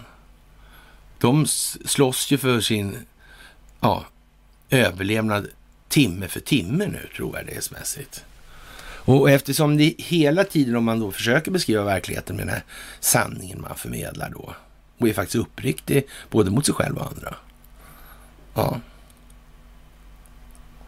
Då blir det som det blir nu. Det här blir bara värre. De kommer ingen vart. De kommer aldrig komma någon vart. Det är slut. Så. Det går inte att säga, att, menar, äh, varför har man inte använt mind control på Donald Trump och Vladimir Putin? Svara! Varför adresserar ni inte de här frågorna för? Är inte de viktiga? Men titta om i världen i tidningar och press och sånt här som inte är så hårt ägardirektivstyrt eller kontrollerat. Vad står det då? Är det viktigt eller är det viktigt inte? Vad är saklig grund? Vad är ett sakligt förhållande? Och så vidare. Hur ser den logiska kedjan ut som leder till den här sakliga grunden? Eller? Ja, och det här är ju, så att säga, de senaste åren har det serverats kraftigt vinklad rapportering kring allt ifrån coronaviruset och inflationen till den nyss avslutade rättegången mot Kyle Rittenhouse. I regel överensstämmer narrativet med det demokrat, det Demokraterna av politiska skäl föredrar och det är ju vad svenska medier i allmänhet också föredrar. Och det här är ju liksom ett trendbrott av rang alltså. Och vad ska man säga? Ja, i bästa fall leder stilskandaler till ett nytt journalistiskt paradigm då och det kommer det ju att göra, men alla kommer inte ha varit vara med i vad som kommer i det här sammanhanget och de som har gjort vad de har gjort har gjort det. Och, och sen är det inte mer med den saken. Förtroende är ingenting man får, det är något man förtjänar. Det är precis samma sak som respekt.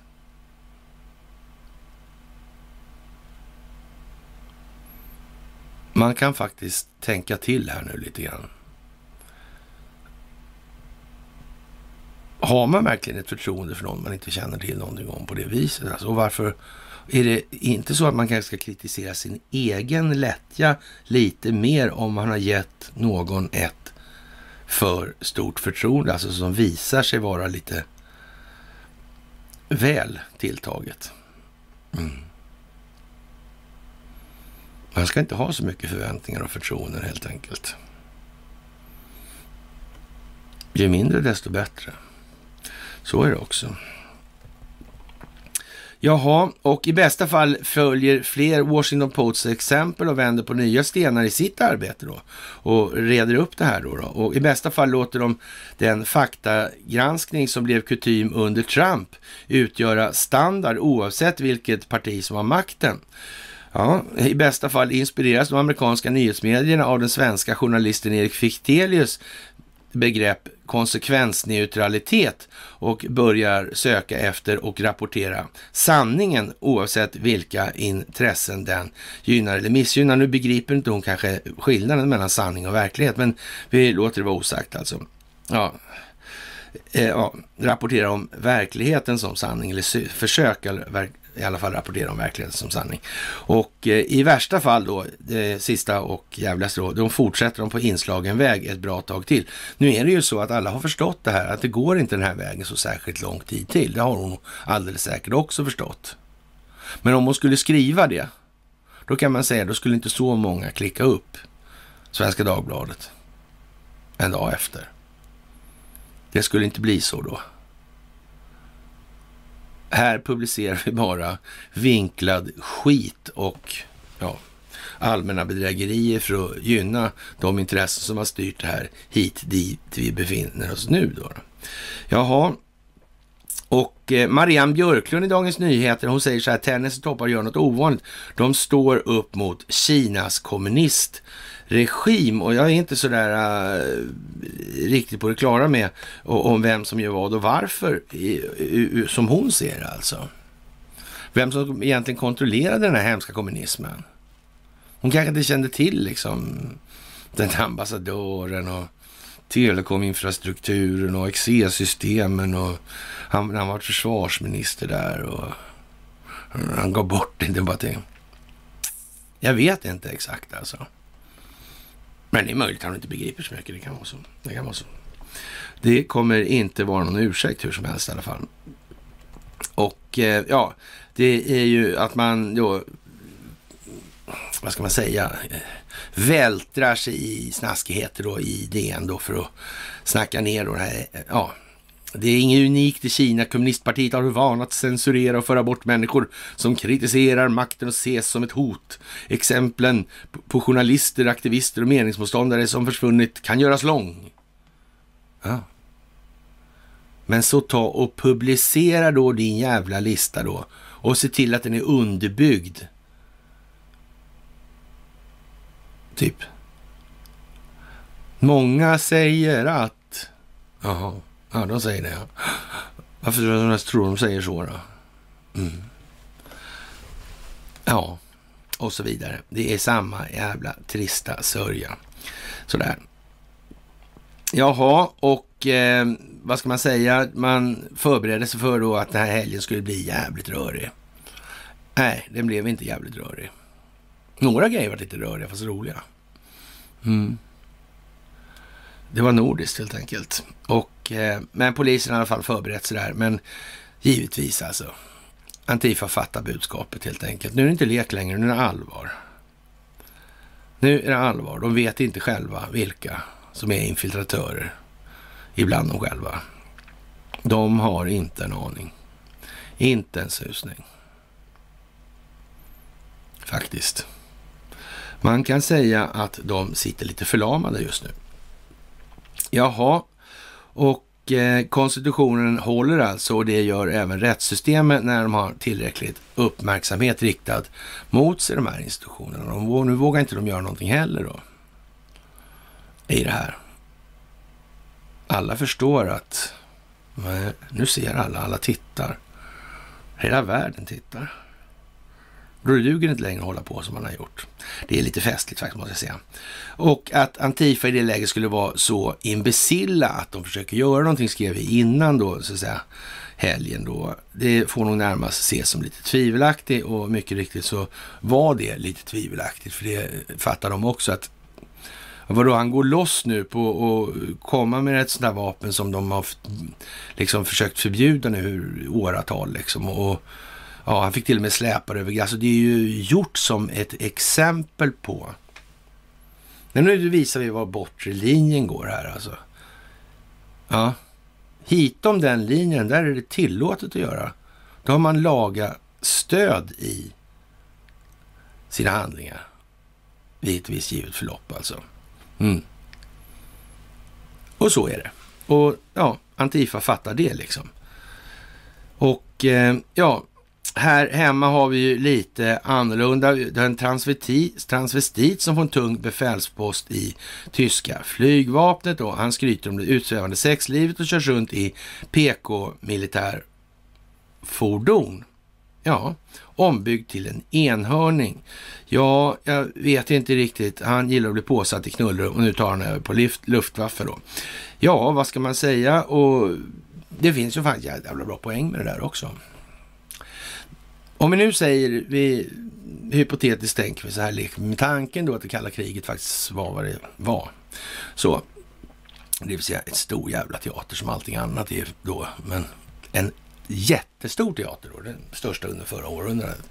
Ja, och, och det, det, blev ju liksom, vad ska man säga, en viss eh, socialpsykologisk formatering i, i kölvattnet på det.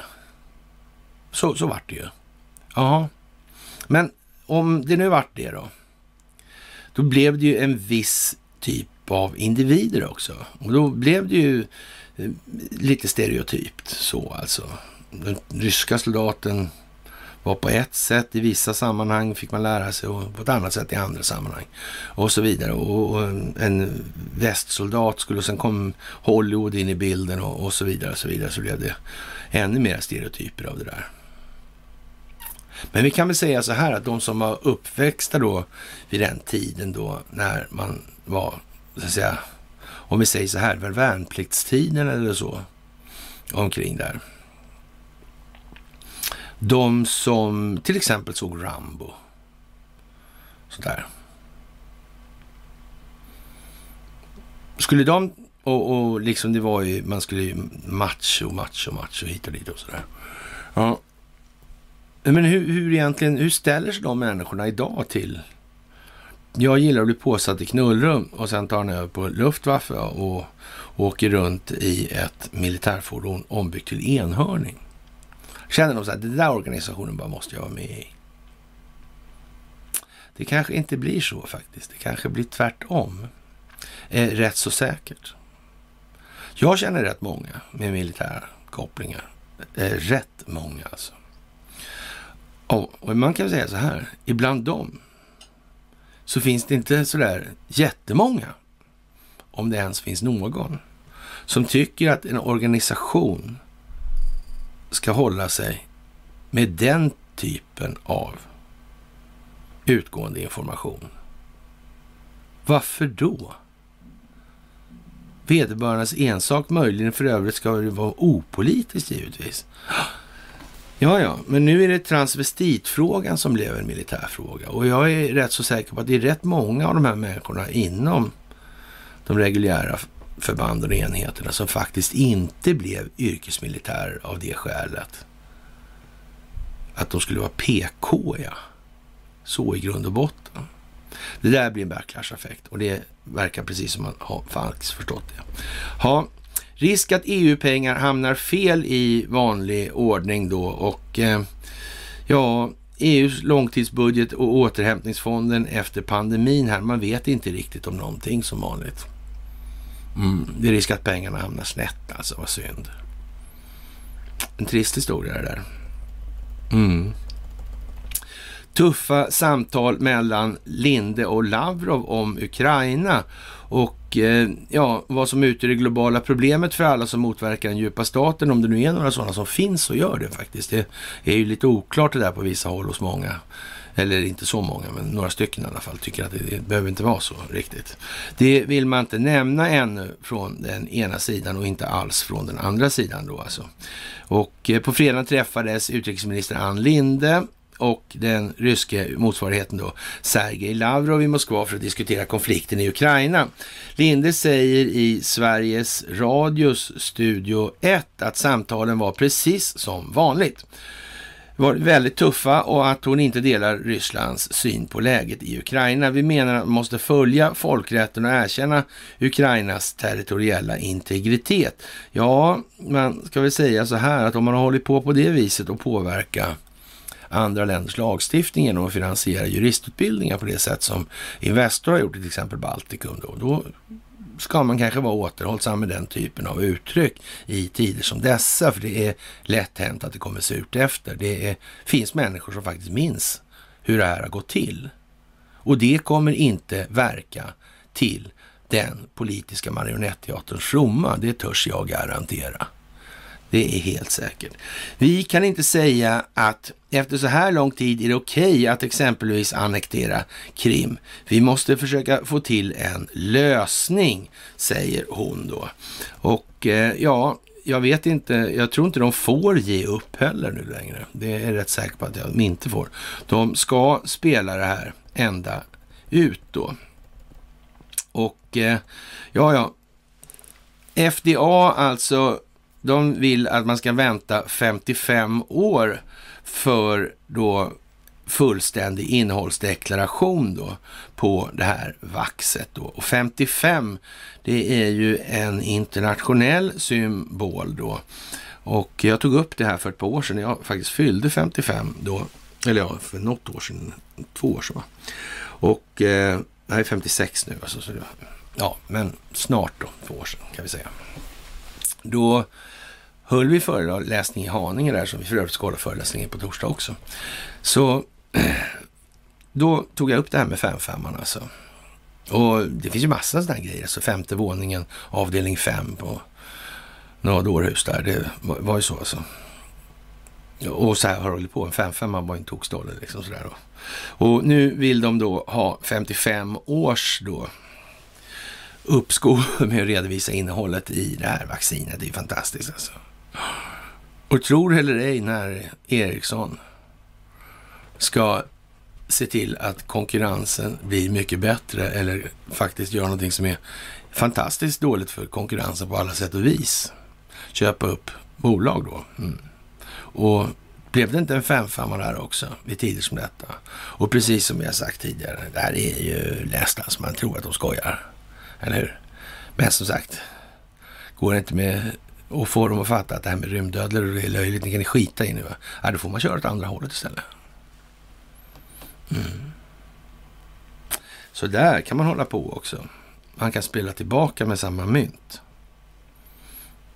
Det blir inte så populärt kanske. Och visa att man förstår faktiskt hur man gör det där också. Det blir inte mindre tydligt då om man säger som så, vad en del håller på med. Och fast de säger att de inte håller på med. Jaha, och bristande forskning kring vaccinbevis. Vetenskapsradion, nyheter då alltså. Jaha, och vad kan det här bero på då? Det finns inte mycket forskning som visar att vaccinbevis skulle ha någon effekt på att minska smittspridningen av coronavirus. Det konstaterar statsepidemiolog Anders Tegnell, Tegnell, Tengil alltså. Ja, och det är ju lite bara sådär helt enkelt. Mm, perfekt helt enkelt. Smittspridningen eh, minskar inte av coronaviruset då, bara för att man har ett vaccinbevis alltså. Nej. Nej. Så det är frågan om var någonstans i kedjan ligger felet då. Testerna funkar ju inte, så kan man säga att där ligger i alla fall ett fel som är tillräckligt. Mm. Vaccinet funkar uppenbarligen inte heller. Där ligger också ett fel som inte heller är tillräckligt. Hur det ens är möjligt att en papperslapp i sig då, de andra inte fungerar, skulle minska smittspridningen, det är oklart kan vi säga. Så det, det finns lite problem där också. Noga räknat finns det bara problem ur alla perspektiv i de här sammanhangen. Själva idén om att det skulle finnas en möjlighet att vaccinbevis minskade smittspridningen, den är galen. Det är en galenskap alltså. Mm. Och det vet inte jag om det går att göra tydligare än så. Det är i alla fall tydligt så det borde räcka kan man tycka. Men det är klart, det tar väl emot lite grann då. Så, jaha, och eh, vi kan väl i och med att Halse Gabbard säger att det är uppenbart att systemet eller då regeringen eller vad det nu är har varit inne och manipulerat den här rättegången eller det här caset överhuvudtaget och försökt då liksom få honom fälld till någonting, eller ställd till ansvar för någonting som är helt orimligt alltså. Så, och, och det kan man väl säga så här när massa vittnen inte togs in överhuvudtaget då. Och, och ja, åklagarsidan gjorde inte det och då kunde inte försvaret använda dem till, till sin fördel heller. Och, och så här, man, man, visade upp hur det här fungerar och själva metodiken i rättsprocessen, hur man har förfuskat den eller förfelat den under lång tid. Och eh, det är ju lite sådär halvspeciellt då och eh, givetvis är det då resultatet av, av det här då, då det, mot, det, det, man hade planerat ut, utfall för det där då. Resultatet, det motverkades då av brottsprovokationer då. Det, eller då tur att, tur då att omständigheter kom till förberedelse helt enkelt. Alltså. Jo, det där är ju någonting som är lite bra så här. Ja, vi har ju hållit på som sagt och vi delade ett fredagsmys för ett år sedan faktiskt. Så det lät lite konstigt. Det lät likadant. Det var jättemärkligt. Ja, språkförändringarna i vardande när då SVT kör upp att hon vill knäcka en av vetenskapens största olösta gåtor och hur språket för flera tusen år sedan lät då och finns några av det kvar Hur är det uppbyggt i stammar och så vidare. Så ja, det finns massor med språknycklar. Tro fan inget annat alltså.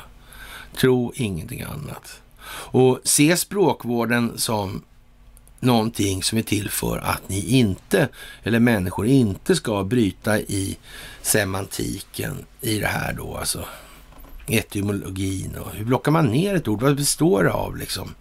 Och varför sätter man till ändelser och sätter till prefix och såna här grejer? Och vilka effekter får det? Och, och, och det här går alltså inte längre. Och, och det här lite sjaskiga sättet att uttrycka sig.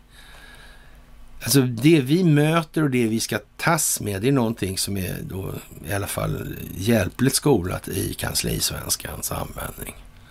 Och, och, men det är ju liksom inga Ja, man, man, märker ju också så att säga, en billig själ en billig själ. Va? Det är enkla värderingar på det viset. Alltså det, den är filosofiskt materialistiskt orienterad och lyser igenom ganska tidigt i uttrycket. Så det kan man se. Men för den sakens skull så är det, den har en bättre metod i hanteringen och därför måste alla människor som inte är vana att röra sig i de språkliga rummen faktiskt ta och skärpa till sig här. Det är den fundamentala grunden, alltså det är ett alltså. Nummer ett. Har man inget språk, då, slip, då finns inte de här diskussionerna. Det finns inte sådana här tankegångar. Det finns inte de här utvecklingsriktningarna. Så är det också. Ja, och eh, det blir ju lite konstigt då, en pedagogisk vinkel i tiden, avrättningsplatsen på Gallberget på Gotland. Ja, den ska då renoveras eller då, vad ska man säga, den ska fräschas till eller piffa till, ja så att säga, uppfräschning och eh, möjligtvis är ju det här språkvalet fullt avsiktligt, alltså det är väg på guldvåg alltså. Så. Och någon vill säga någonting i det här sammanhanget. Någon vill skapa ett signalvärde som skapar en eftertanke i en viss given opinionsbildningsmässig riktning. Det får man inte glömma bort här alltså. Det får man inte göra. Då blir man offer för sig själv. Och det är en pedagogisk vinkel värd att notera. Alltså. Och det här med Kallobergskanalen och styckmord och politiker från, Ny, politiker från Nyköping. Det är ju alltså fler politiker som har varit i dödsbranschen höll jag på att säga, men blev utsatt för det här som var från Nyköping. Anna Lind till exempel då. Och eh, sen kommer det där upp då med den här vita kaninen och att eh, undertecknad här då, då, är tyvärr kontrollerad opposition liksom. Och agent åt brittiska MI6 alltså. Ja, ja, och eftersom jag har då störst publik då så jobbar jag åt den mörka sidan och deep state. Och eh, ja, nu har jag ju pratat om det där så mycket idag så det ger sig liksom själv nu vem som gör vad och varför. Och också säga, vad är en saklig grund egentligen? Vad är ett beskrivet förlopp? Hur förhåller det sig till andra perspektiv? Hur ser det här ut egentligen när man korstabulerar det här? Varifrån kommer det här? Vilka människor ingick i det här förloppet och så vidare. Så här. Ja, och sen kommer det ju massa sådana här obskyra. Och, och, varför är du inte död liksom? Nej, det, de har nog gjort vad de kan i, i en rad olika sammanhang. Det är absolut så. Men, men eh, nej, det finns också kanske anledningar till att jag inte är det. Och det behöver inte vara nödvändigtvis de som människor tänker först på. Så är det ju också. Men hur som helst är det så här, ska man hålla på med den här typen av verksamhet, den här typen av analys, då bör man ju ha någon insikt i vad man pratar om också. Det torde ju vara en given förutsättning. Det tror jag nog. Annars blir det ju lite det där, då får man ju fan ta till ja, olika mindre, eller ja, oftast mindre kända eh, forskningsresultat inom fysiken till exempel och, och, och, så vidare så här. Och ja, jag tycker att det är lite, men vad fan, det, det ger sig här nu tror jag. Jag tror inte de orkar så mycket längre. WHO, stor oro för Europa, munskydd kan hjälpa. Alltså munskydd kan eh, inte hjälpa, det vet alla nu och eh, det är ja, en sista utväg, det är och, och liksom obligatorisk munblöja alltså. Och jag vet inte. Det är väl några glesa punkter i Norrland där det här kommer gå hem. Andra punkter kommer det inte gå hem på i Sverige. Och eh, ja, de måste ju försöka alltså. Och eh, Ja, danska vindkraftsjätten Vestas drabbad av IT-attack och eh, ja, vad ska man säga, bildsättningen är ju som den är. Den vin danska vindkraftsjätten Vestas utsatts för en cyberattack som tvingas bolaget att tillfälligt stänga ner en del av sina IT-system. Det framgår av ett pressmeddelande på lördagen. Kunder, anställda och andra intressenter kan påverka, skriver bolaget och det ska ha skett under fredagen och man samarbetar nu med både interna och externa aktörer för att minimera skadorna och återta, återstarta systemen, säger man då. Och det kan man väl tycka ja, var roligt gjort för dem. 35 000 i protest mot Österrikes vaccinkrav är också lite trevligt och det är en väckarklocka för alla tondöva nu. Och eh, ja, vad ska man säga? Österrike beslutar sig först, beslutar först att stänga ner för ovaccinerade, men från och med måndag kommer hela befolkningen omfattas och man kräver då, som vi sa förra gången också, en viss solidaritet tycker man nu då från de här redan vaccinerade. De får faktiskt finnas i också vara nedstängda då. Och, eh, ja, och sen kommer det ju fram då från något annat håll. Nu så varar det här bara en liten stund då, någon månad sådär vaxpasset. Så måste man ha ett nytt då. då. Eftersom PCR-testet inte funkar så, ja, och så vidare. Men ett nytt test som visar att det inte finns någon covid kommer ju visa att det inte finns någon covid. Så är det ju. Mm, om det är så. Och det finns väl viss anledning att misstänka att eh, det kan bli lite åt det hållet faktiskt. Det har varit en tysk hälsominister som just har uttalat sig och eh, ja, det är samma sak med här mängden fall och så vidare. Det är liksom, det är vad det är helt enkelt. Och eh, ja, i norska nyheter så drar man till ordentligt då och man menar att man kan ha tryggt ha sex med främmande människor så länge de inte hälsar med, i hand eller tar i hand och eh, ingen involverad är förkyld då. Ja, där ser man, där ser man, där ser man. Luftvärnssystemet 130, eller 103 Patriot, överlämnas. Det är mitt gamla skeppsnummer, det var väl tråkigt, tycker jag. Ja, men å andra sidan var väl hela Försvarsmakten en bluff redan då, kan man tänka sig. Det var det nog rätt lång tid sedan. Ja, så det spelar kanske ingen roll. Men vi tar den säkerhetspolitiska situationen på allvar med andra ord. Det är ju en video som Försvarsmakten har lagt upp där som är helt otrolig alltså. Vilket jävla marknadsgyckel. Vad gör man det där för? Vad gör man det där för?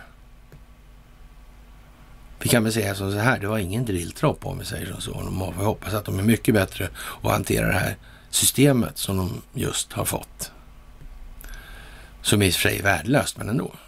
Man kan vara bra på att hantera det ändå. Ja, ja, ja, ja. Jaha. Det är ju lite udda kanske. Inte det där med toppkast på Falken då. Det var väl inte så udda kanske. Men... det med det luftvärnssystemet. Ja, tiotals personer skapar kaos över hela USA. Alltså nu kan vi kallt konstatera att Antifa är inte så karska längre då. Och, som en given anledning då. Och eh, man skriver då i SVT att Rittenhouse-domen splittrar USA. Protester och upplopp i flera städer. Och det stämde ju, men det var ju eh, rätt så lite kan man säga. Rätt så begränsat och eh, ja, inte så allvarligt. Så. Och det vill man inte säga då. Sådär. Och eh, Kina släpper film efter film som då, det här med filmerna är ju speciellt också. Det cirkulerar någon sån här eh, film med Sylvester Stallone, hur man, Stallone då, hur man kan göra olika, ja så att säga, teknolo hur teknologin har utvecklats för att göra liksom Eh, åstadkomma saker. Och, och lustigt nog så kom det ju en film på eh, Netflix då med Dwayne Johnson som eh, med lite udda figur sådär. Och nu börjar han ju liksom, han blir, blir rätt så stel, eller han är inte rätt så han är skitstel i nacken och axlarna sådär. Och bak så den rör sig så jävla illa så. Ja, men hur som helst så här tas det här upp en massa sådana, vad heter den, Red Heat va, tror jag den hette. Och, och den där har ju någon tänkt till ordentligt på det är ju sådär, liksom hur, man tar en film så är man så dum man tänker sig, så undrar om någon har tänkt till då. Så börjar man hitta, men där har de tänkt till ordentligt alltså. Och när det gäller de här filmerna då, så Kina släpper film efter film, ja, det går ju aldrig att veta vem man ser på de här filmerna. Ni kan inte, jo ni, ja, man kan nästan tro att det här är jag i alla fall. Så de flesta misstänker att det är det och det gör jag också faktiskt. Sådär, så. Ja, och det blir bara mer frågor då eftersom de släpper så mycket filmer. Och det är ju någonting som man vill ha sagt här. Någon ska komma fram. Någon opinionsbildning ska leda till någonting annat och så vidare. Och sen kommer ytterligare information. Och den kommer då, den informationen kommer oväntat i förhållande till den opinionsbildningsstyrning som man har visat upp tydligt. Sådär. Alltså det är som att flytta på speltrycket sådär, så låter man en, en man var kvar på den här sidan. Och när hela motståndarlaget flyttar sig över ditåt, ja då skickar man tillbaka bollen eller pucken eller vad det är för någonting då. Fort som fan då liksom. Och då skapar man de här öppna ytorna då. Och det är lite samma sak. Eller då mätta de här luftrummen i lite mer missiler och sådär. Och ja, systematiska straff mot visselblåsare i USAs polis alltså. Det kan man ju tycka är lite speciellt alltså. Kärandens, kårandans, menar jag, förlåt. ja, nu ska vi inte säga att de är sådana, men i alla fall. Kårandans fördelar för samhället, dödar råttor, avföringsskåp och dödshot och ignorera anrop. Och det är en del av vad visselblåsare inom amerikanska polisen är utsatt för efter de har larmat om missförhållanden inom kåren, skriver USA Today, USA Today då och eh, granskningen av 300 fall skildrar ett inofficiellt vedergällningssystem som innebär att anställda kan fortsätta att missköta sig och chef, chef jobbar kvar medan de, för, for, medan de försöker avslöja metoderna straffas och stämplas som förrädare. Och eh, ja, vad ska vi säga? Tänk om det finns kåranda på fler ställen. Kanske kåranda har att göra med det här som vi just pratade om när det gäller den här nytillsatta tjejen Ibrahim där alltså. Som för övrigt går med något huckle där också. Och verkar inte, det verkar inte spela så stor roll alltså att hon gör det. Hon verkar i alla fall se klarare på sakerna. Än många. Sen är det inget plus att det inte är en av stam, samhället kontrollerad institution. Men då kan man väl säga så här, okej. Okay. Jo, men vi får väl hoppas att det internationella samfundet, om vi ska kalla det för det, eller att något internationellt företag kanske som är kontrollerat av Blackrock eller något sånt där kanske till och med. Något sånt.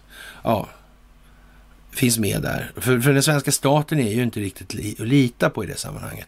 Men förhoppningsvis ska ju det högsta värdet som samhället kan protestera, protestera förr eller senare bli det gemensamma ansvaret. Och det är ju inte så märkvärdigt alltså. I alla fall det bör vi klara av, det kan man ju säga. Det är inte som att få 100% att förstå allting i alla fall, det är det inte. Men, men det, det, är betydligt mindre alltså. Det kan till och med räcka med ja, att tillräckligt många människor kan föra sin talan utan att ha en lapp framför näsan och tänka ut själv vad de ska säga. Faktiskt. Så, så det ser ljust ut, det ska man säga också. Jaha, mullrigt på en nivå som till och med en svensk borde kunna identifiera. Rysk aktivitet oroar Blinken. Vi vet vad som har hänt förr då och eh, det vet inte jag om man ska ta så stort allvar men ja, alltså det, det nominella värdet får vara vad det är helt enkelt. Det, det är som sagt, det har hänt förr och det är mycket ljud och kattskit i det här. När estradören och schamanens konster uppenbaras för att vara meningslöst humbug utan bäring på verkligheten. Det är när bankerna lär, åt, lär signalera åtstramningar och det här är ju en teater som fan inte liknar någonting längre. Det är ju ingen som tror, det är ingen som bryr sig ens vad den här jävla lallan säger. Och det är precis så det blir. Det blir som med tidningarna, journalisterna, politikerna, Riksbanken. Mm. Och då är det bara bankerna kvar att titta på. Juristerna kommer parallellt också. Mm. Och då gäller det att göra det här till någonting som inte bara bygger på ilska och förakt.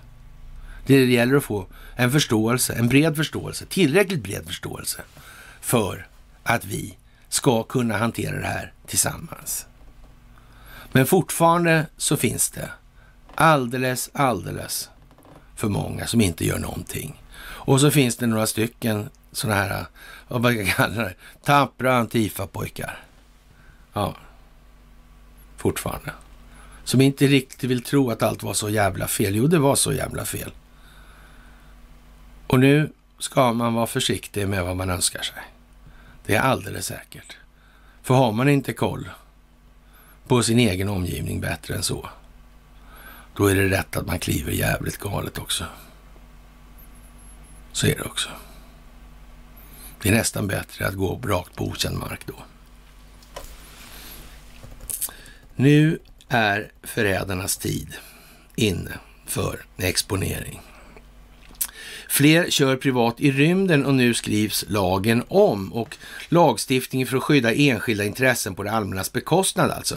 Det är jättepraktiskt och eh, det här handlar alltså om rymdteknologin alltså och, och hur håller man ordning på all rymdtrafik i de här sammanhangen? Det ska vara trafikregler och sådana här prylar alltså. Och, och vad, vad, är det här någonting dyrt? Är det någonting som samhället ska bekosta eh, eftersom det gynnar det samhället? Eller gynnar det kanske någon annan? Är det någon annan gynnar mer än samhället? Hur är det här egentligen?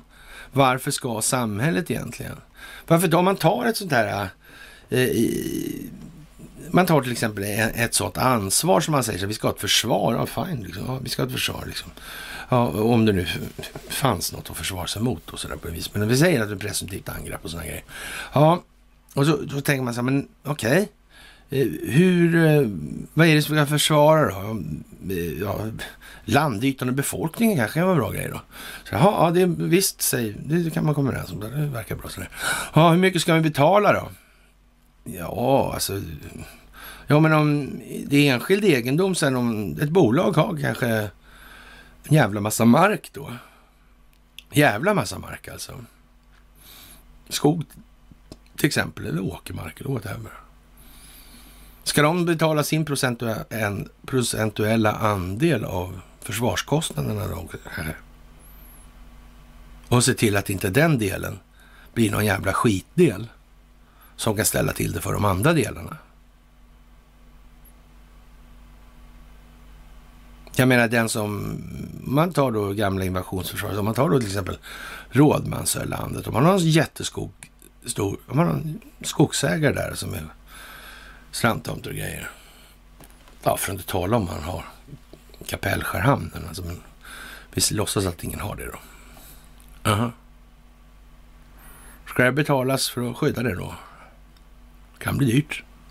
Kan bli dyrt. Och det är ingen som tycker att det är... Så kan vi inte ha det. Nej, vem fan är det som ska betala då? Det är de andra som inte drar nytta av det. Mm. Ja. Fint då. Det är de andra som ska betala för att skydda de enskilda intressena alltså. Nej, det är, för bra alltså. Ja, ja. Stora protester planeras i Sudan efter en 16-årings död och det är ju bra naturligtvis med de här den fred och demokratiutvecklingsgrejerna som sker då och eh, Liljöke och gänget kommer ju att eh, få vad de ska ha. Det är alldeles säkert. Det är ingen som har missat dem i de här sammanhangen. Och i sammanhang då så med lika löjliga grejer så vill då NASA bygga kärnkraftverk på månen. Det verkar ju faktiskt sällsynt nödvändigt alltså. Och det har man naturligtvis tänkt sig då för att eh, och det, tiderna för det här är ju fantastiska. Det, det ska vara klart nästa höst i princip. Nej, de, eh, vad ska man säga? De vänder sig till företag då för att komma in med förslag på ett designkoncept som passar den egenartiga kravspecifikationen. Då, sådär. Och deadline för det här är i februari då. Och systemet bör inkludera en urandriven reaktorhärd som omvandlar kärnkraften till användbar energi. Det krävs även ett kylsystem för att hålla reaktorn sval samt ett distributionssystem som kan leverera minst 40 kilowatt kontinuerlig elkraft i 10 år i månmiljön. Och eh, ja, är det inte lite radioaktivitet där i de faggorna ändå liksom? Eller hur fan är det där?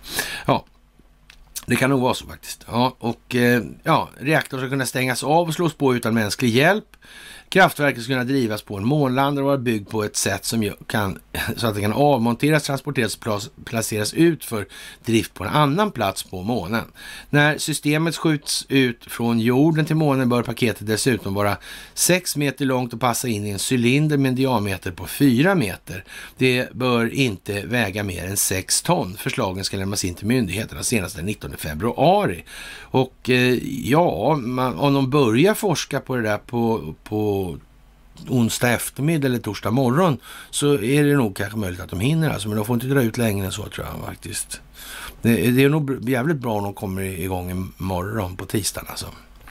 Faktiskt. Så, men ja, ni förstår väl ungefär vad det här handlar om.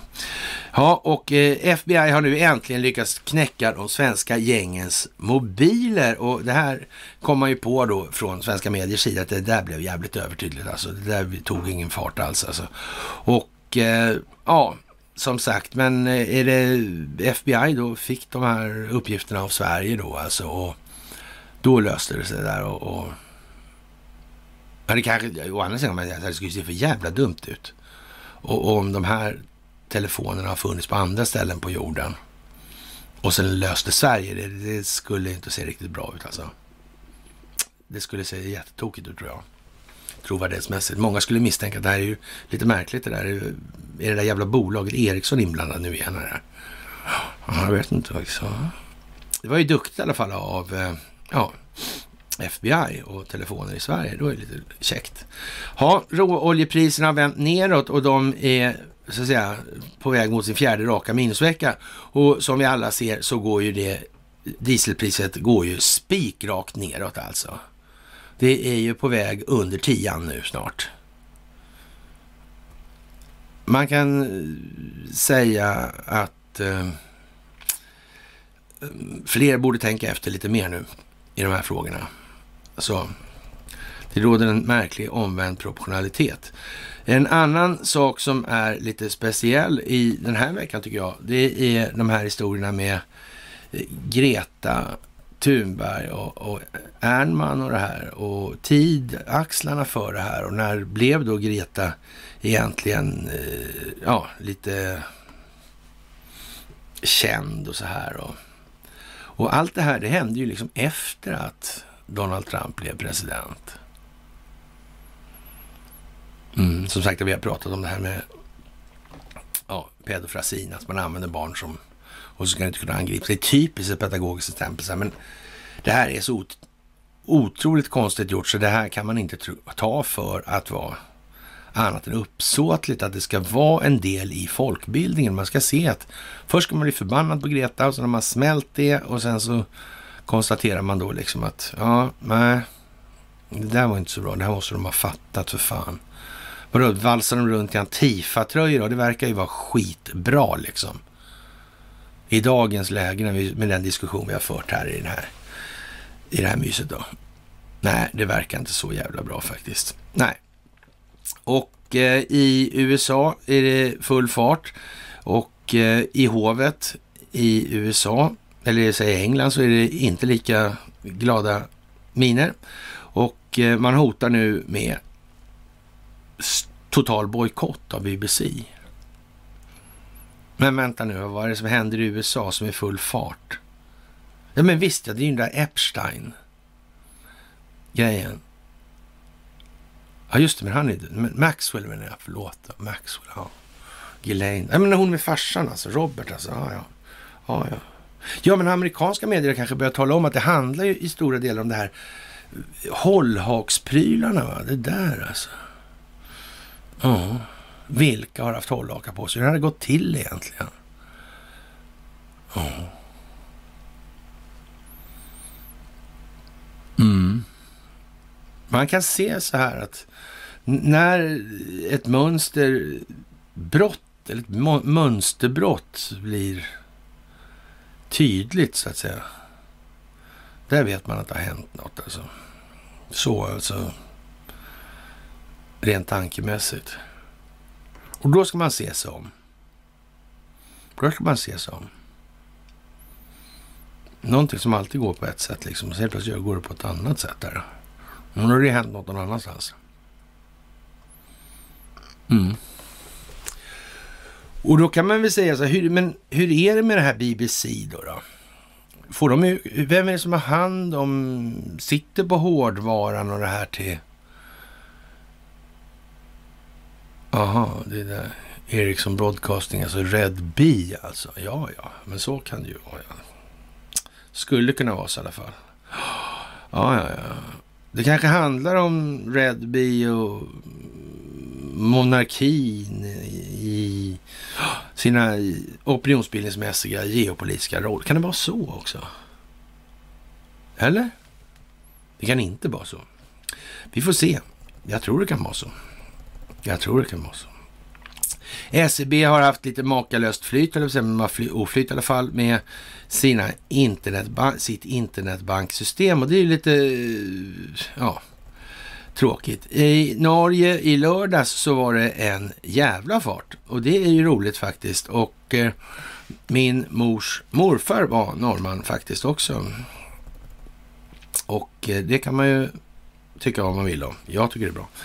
Men, och jag tycker det här är jättebra att vi faktiskt får ihop det här nu och kommunicerar utöver det här vanliga, ja vad ska man säga, det är också stereotyper som har blivit av någon anledning med ett syfte då. Och det kanske vi ska akta oss för, det syftet. Jaha, fick stororder via vänner i Moskva då. Det gäller då Bombardier och man har naturligtvis det är muter och muter och muter och muter och man har betalat en miljard om man står i storleksordningen den här åren handlar om 2,7. Alltså är det någon summa som inte stämmer och då är det ju förmodligen så att man hittar en miljard i muter, mutpengar där, då finns det en massa summor man har inte hittat i andra ändan såklart alltså. Det kan man väl livligt föreställa sig. Eller också är det stora penningvaskar grejer som kommer. Någonting kommer mer i den saken, det är alldeles säkert.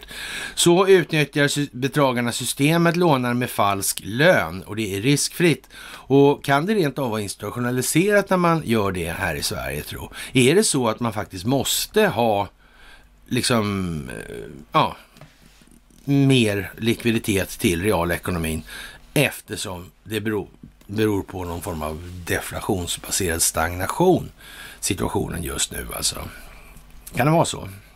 Jag gissar väl någonstans att de flesta kommer att förstå det här inom en liten stund och då kan vi inte, ja, så att säga, man får inte förklara för mycket och inte för lite heller och eh, ja, det är ju många som tycker det är tråkigt det där och det kan man väl förstå. Alltså det är inte särskilt roligt. Och, men det är viktigt nu. Det är viktigt, viktigt, viktigt, viktigt. Jaha, och eh, det blir alltså en jab då, eller ett shot för, eller döden för antivaxare.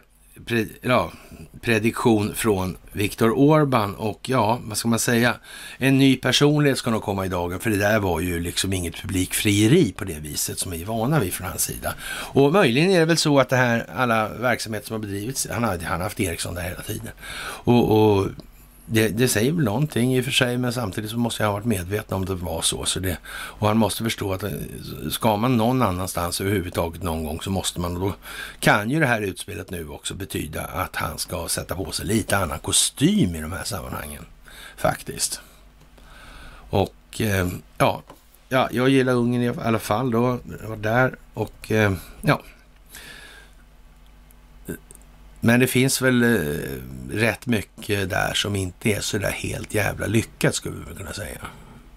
Så, ja. Gasdramat blir första prövningen för Scholz alltså och eh, vad ska vi säga, ett röstfusk eller valfusk skulle naturligtvis som vi sa tidigare, det skulle bli jävligt surt för honom och då verkar den här gasfrågan helt obetydlig alltså i sammanhanget när de inte ens har någon demokratisk grund för verksamheten överhuvudtaget. Och eh, det här kommer att bli en jävla speciell vinter för många människor. Det kan vi väl säga. En jul som aldrig kommer glömmas, skulle jag gissa på. Gissa och gissa. Ja, expert ser ny järnridå växa fram och eh, nu är det ömkansvärt värre alltså. Och ja, hot mot Ukraina och migrantströmmar. Det är som det är. Och en expert i SvD. Ja, nu är det ömkansvärt alltså. De, är, de måste, det kan inte finnas en enda möjlighet till att det här är någonting de gör frivilligt längre alltså. Och, och ja, hur illa har de betett sig egentligen och tvungna att ställa upp på det här? Det kan man fråga sig. Man orkar inte ens tänka på vad en sån som Marcus Oskarsson har gjort, fast han är ju nästan lite på en ja, han är ju väl ute ur skogen på det viset. Han är ju mer på den komiska sidan numera. Och eh, ja, flera hundra spioner i Sverige och man kan väl säga så här, men eftersom man har så att säga gjort det här systemet, eller skapat det här systemet i vart fall, så är det också så att man, till, ursäkta, man har till exempel den här metoden då att eh, Sverige spionerar åt något annat land i det landet. Och sen byter man så här då, då med varandra. För man får inte, får inte eller mer sällan ovanligt, man får spionera på sin egen befolkning. Andra länder får ju men då måste man ju säga, se till att det här arrangeras på ett visst sätt. Och det, bara det arrangemanget i sig gör ju att det finns ju eh, en viss personalåtgång. Så, så måste ju vara så i det här. Och, och det kan man inte komma undan bara sådär alltså. Och eh, ja, det är tjingsa får tjingsa där alltså på så vis. Och det får man ju faktiskt ta hänsyn till. Och eh, varför, varför är det så liksom? Ska det vara så? Så Hans verkar Olofsson skulle sagt. Eh, som naturligtvis också en skojare rakt av. Annars hade han inte jobbat när han jobbar. WHO öppnar för vaccinationstvång som sista utväg och vi säger väl stäng Systembolaget, höj drivmedelspriserna, dramatiskt inför fängelsestraff och vaccinationstvång, helst dödsstraff och så vidare och så vidare. Så där får göra så, får höja det här till folk väljer att, nej men måste vi fan mig. Nu måste vi sätta oss ner, vi måste prata med varandra, vi måste förstå det här, vi måste tänka till, vad fan gör vi nu här? Och så vidare. Och sluta tro på att allt ska bli som förut, för det kommer inte bli som förut. Det kommer aldrig någonsin bli som förut. Det har alla möjligheter i världen att bli bra mycket bättre, men det har inga som helst möjligheter att bli precis som förut ingen möjlighet helt enkelt. Ja, och eh, Kreml utesluter inte utländska provokationer när det här gäller den här ryska invasionen av Ukraina. Man misstänker att det är någon som spelar Marianne-list här alltså och sover räv och fuskar och har sig och ja, så vidare. Och eh, när då presskonferens då med Pentagonchefen så talar han om att Ryssland måste vara mer transparenta om trupprörelserna på gränsen till Ukraina, alltså de trupprörelserna som är på rysk mark. Och ja, nu är det ju som det är. Alltså, USAs försvarsminister Lloyd Austin utförde denna vecka imponerande, om än patetiska, mentala gymnastikövningar alltså. Och eh, ja, som sagt, trevligt, trevligt.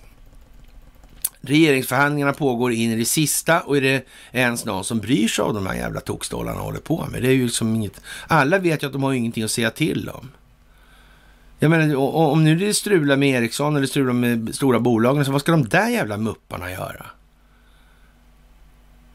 De har aldrig, och de har aldrig någonsin haft något att säga till om. Det börjar ju alla se nu. Det är ju uppenbart, de har inget att säga till om. De kan inte göra någonting. Mm, lite speciellt. Och eh, ja, Kina följer upp då det här med bråket med Litauen och eh, gällande Taiwan. Och vi tror väl att eh, en gemensam nämnare stavas i alla fall Investor i de här sammanhangen i, över hela linjen. Och att det skulle inte hänga ihop då, det har vi svårt att tro helt enkelt på. Ja, och eh, när det gäller då ja, vad ska man säga, lögner och mediahån. Hon, Fördel Trump när stilrapporten kraschlandade i Omni under gårdagen, va? Tror jag. Och eh, ja, nej, de är tvungna att gräva sig djupare ner helt enkelt. De ägardirektivstyrda opinionsbildningsmedierna.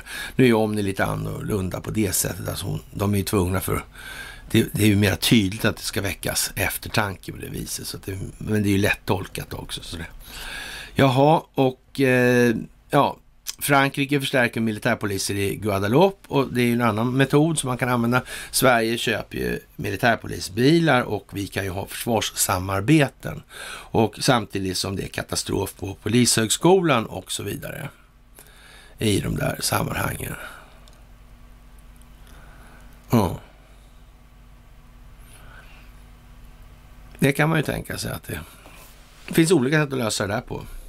Men någonting har någon tänkt i de här sammanhangen. Det är helt säkert. Ja, det är 1700-1800-tal med kolonier och sådär som ligger i botten i alla fall. Och eh, ja, tusentals i protest mot åtgärdsplanerna i Bryssel naturligtvis. Det är full fart på de där och det blir bara bättre och eh, Ja, jag vet inte. När man säger så här då i Svenska Dagbladet, nej om ni tror jag det var faktiskt, och eh, den här, eh, var det en, en tant här, var det inte det, som tyckte liksom att det här var, var som en valuta då alltså. Och eh, ja, det är bara som det har funnits en enda valuta och det är smittspridning och i förlängningen antal döda, säger han till DN. Det var ingen hon, det var en han. Ja, och efterlyser en ordentlig analys. Och det finns ju bara faktiskt, det finns bara en valuta på den här planeten egentligen. En sån riktig, det är skuld. Det är skuld. Det är det. Nominell skuld är valuta här. Och eh, vaxade sprider smitta som sagt var. Covidplast är ett litet pris för att betala för frihet.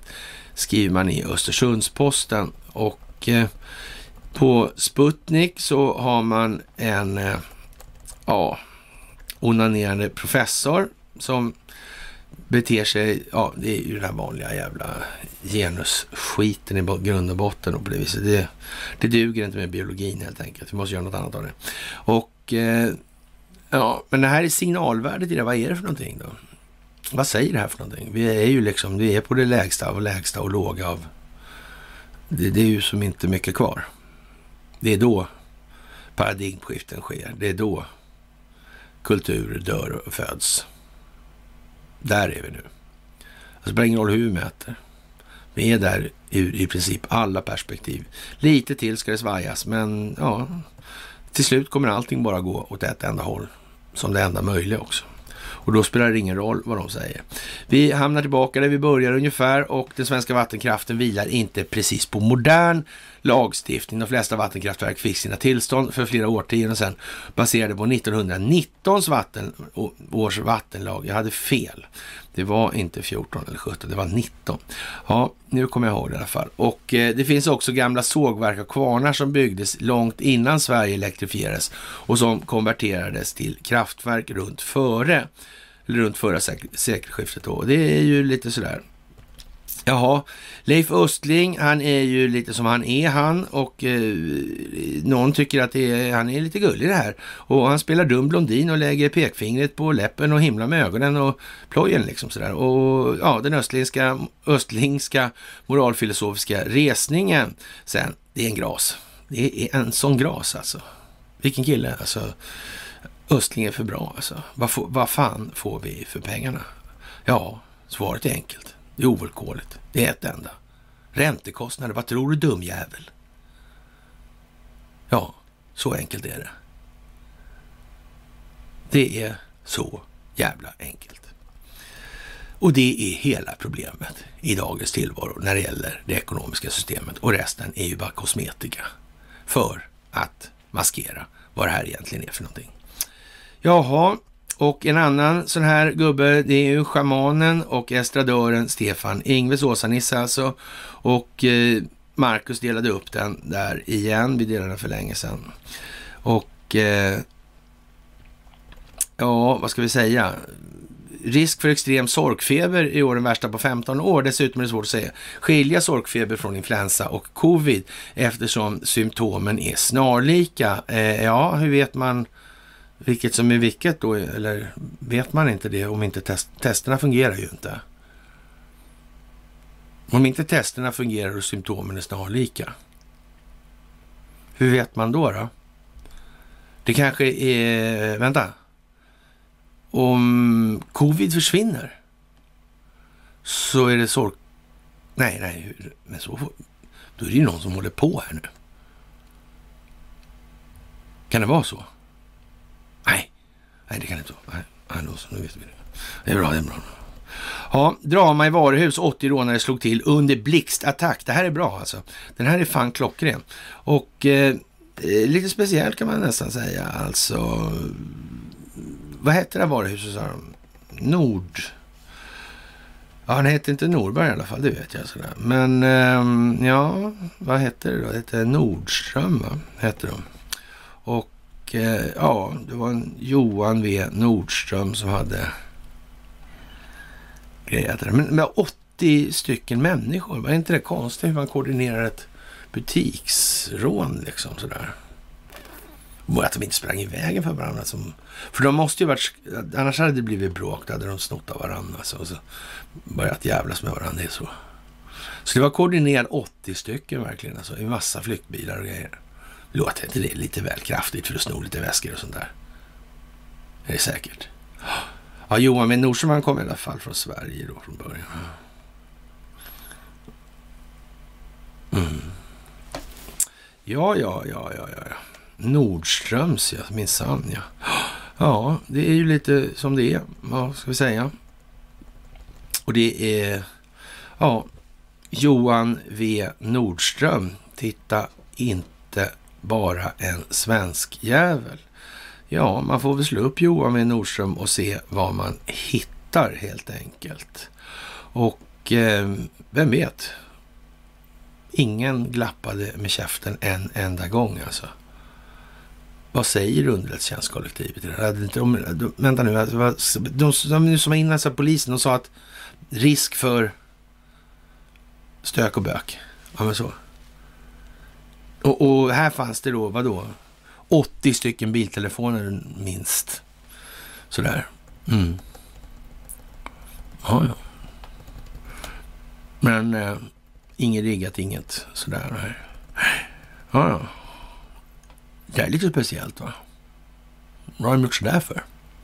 Mm. Ja, ja. Vi tog upp den här donnan häromdagen då, den metallurgen där. Vem har de fått de här eh, idéerna att hålla på med det där om? Hon sa att det var så, det var så knasiga regler där, så hon, be, hon var chef för metallurglabbet alltså. Och sen erkänner hon jättebedrägeri mot USA. Jag menar, det, det, man kan säga så här, det nästan luktar lite förhandlingar va? Gör det inte det? Det skulle kunna vara så i alla fall, vill jag påstå. Ja, och ja, vad fick hon ge då i utbyte för den här strafflindringen hon förväntar sig eftersom hon erkänner?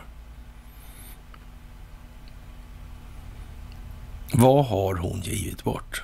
Ska vi gissa på att det handlar om någon i Pentagon i alla fall, eller kanske en och en halv?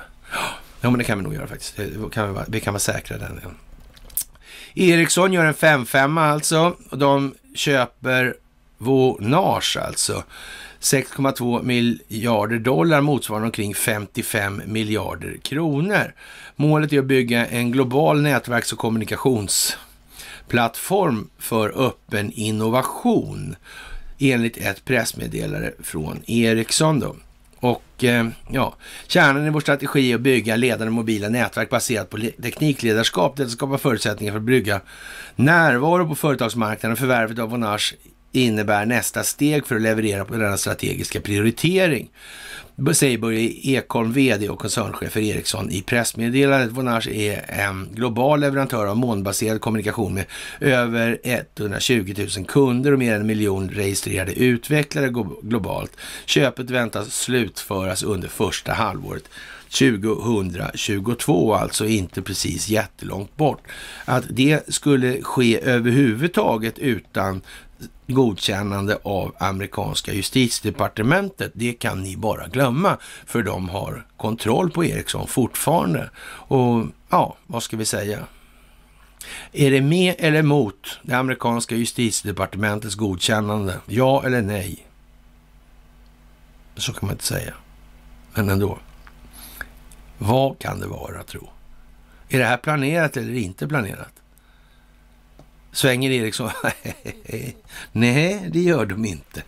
Det gör de inte.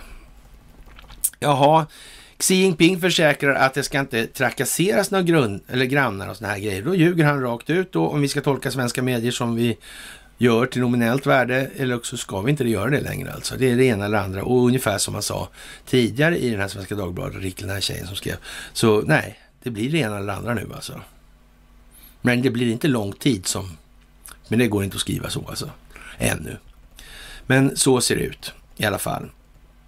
Jaha, och eh, Ann Ramberg är ju som hon är och eh, de här insynsskyddade föreningarna, eller eh, insynsskyddade föreningarna Hilda, Ruben och Ida faktiskt har en del i de här sammanhangen och åklagare och domare är kanske ingen höjdare överallt hela tiden jämt. Inte ens i Sverige skulle man kunna säga.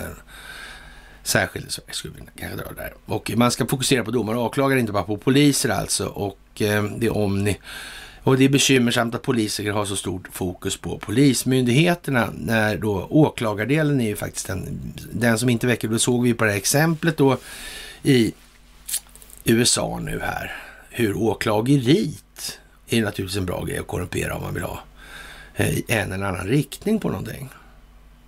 Så. Åklageriet är ju det som är grejen då, helt enkelt. Poliser har ju liksom inte befogenheter att göra upp, utredningar mer än upp till en viss given nivå då, straffrättsligt. Så det är bara som det är. Och eh, ja, det finns att fundera på här i Kalla Nord och eh, ja, som Evert Taube skallade en gång till när han sjöng vid Bondens knut och så vidare.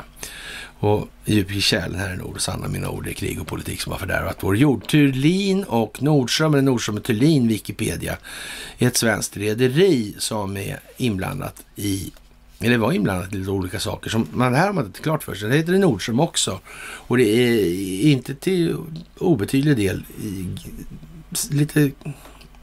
Ja, det känns lite anslutet till Nordström i USA som i och för sig är svensk amerikanskt och sådär. Men, och, och, och visst, det här var ju då som, ja, vad ska man säga?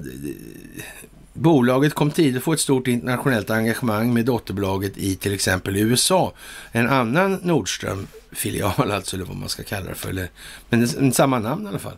Och eh, ja, det, man Familjen Thulin sålde bolaget tre anställda och 80-talet expanderade rederiet kraftigt inom främst tanksjöfarten. Nordström och Thulin etablerades också inom färjerederi och hade under perioden 88-89 koncession för all trafik Eh, koncession för trafik mellan Gotland och svenska fastlandet. 90 startar man även färjetrafik mellan Sverige och Estland via sitt hälftenägda dotterbolag Estline. Denna del av Nordström Thulins verksamhet fick emellertid tragiskt slut med MS Estonias förlisning 94 som en följd av den katastrofen lämnade det allt färjesjöfart inklusive Gotlandslinjen, eller hur? Men det har ingenting med någonting att göra i något som helst sammanhang det här. Fast det tycks vara på något vis som det kommer från andra hållet nu. Ja, vad, vad ska de här 80 in på det där Nordström-varuhuset för att göra? Det är ju uppenbarligen inga smågangsters i raggarbilarna. Ja, det kan det ju vara i och för sig, men de är ju spelade dit i alla fall. Det är ju alldeles uppenbarligen. Det där kan ni fundera på, det är ju roligt ju. Ja, ja. I Sverige eller familjehemsfar döms för hundratals våldtäkter mot barn. Och jag vet inte, eh, så att säga. Ja, det här med Robert Maxwell och den här svenska frigjordheten som var på 70-talet, den sköt ju lite snett då. Det där gick inte, men musikunder fick ju ta över istället.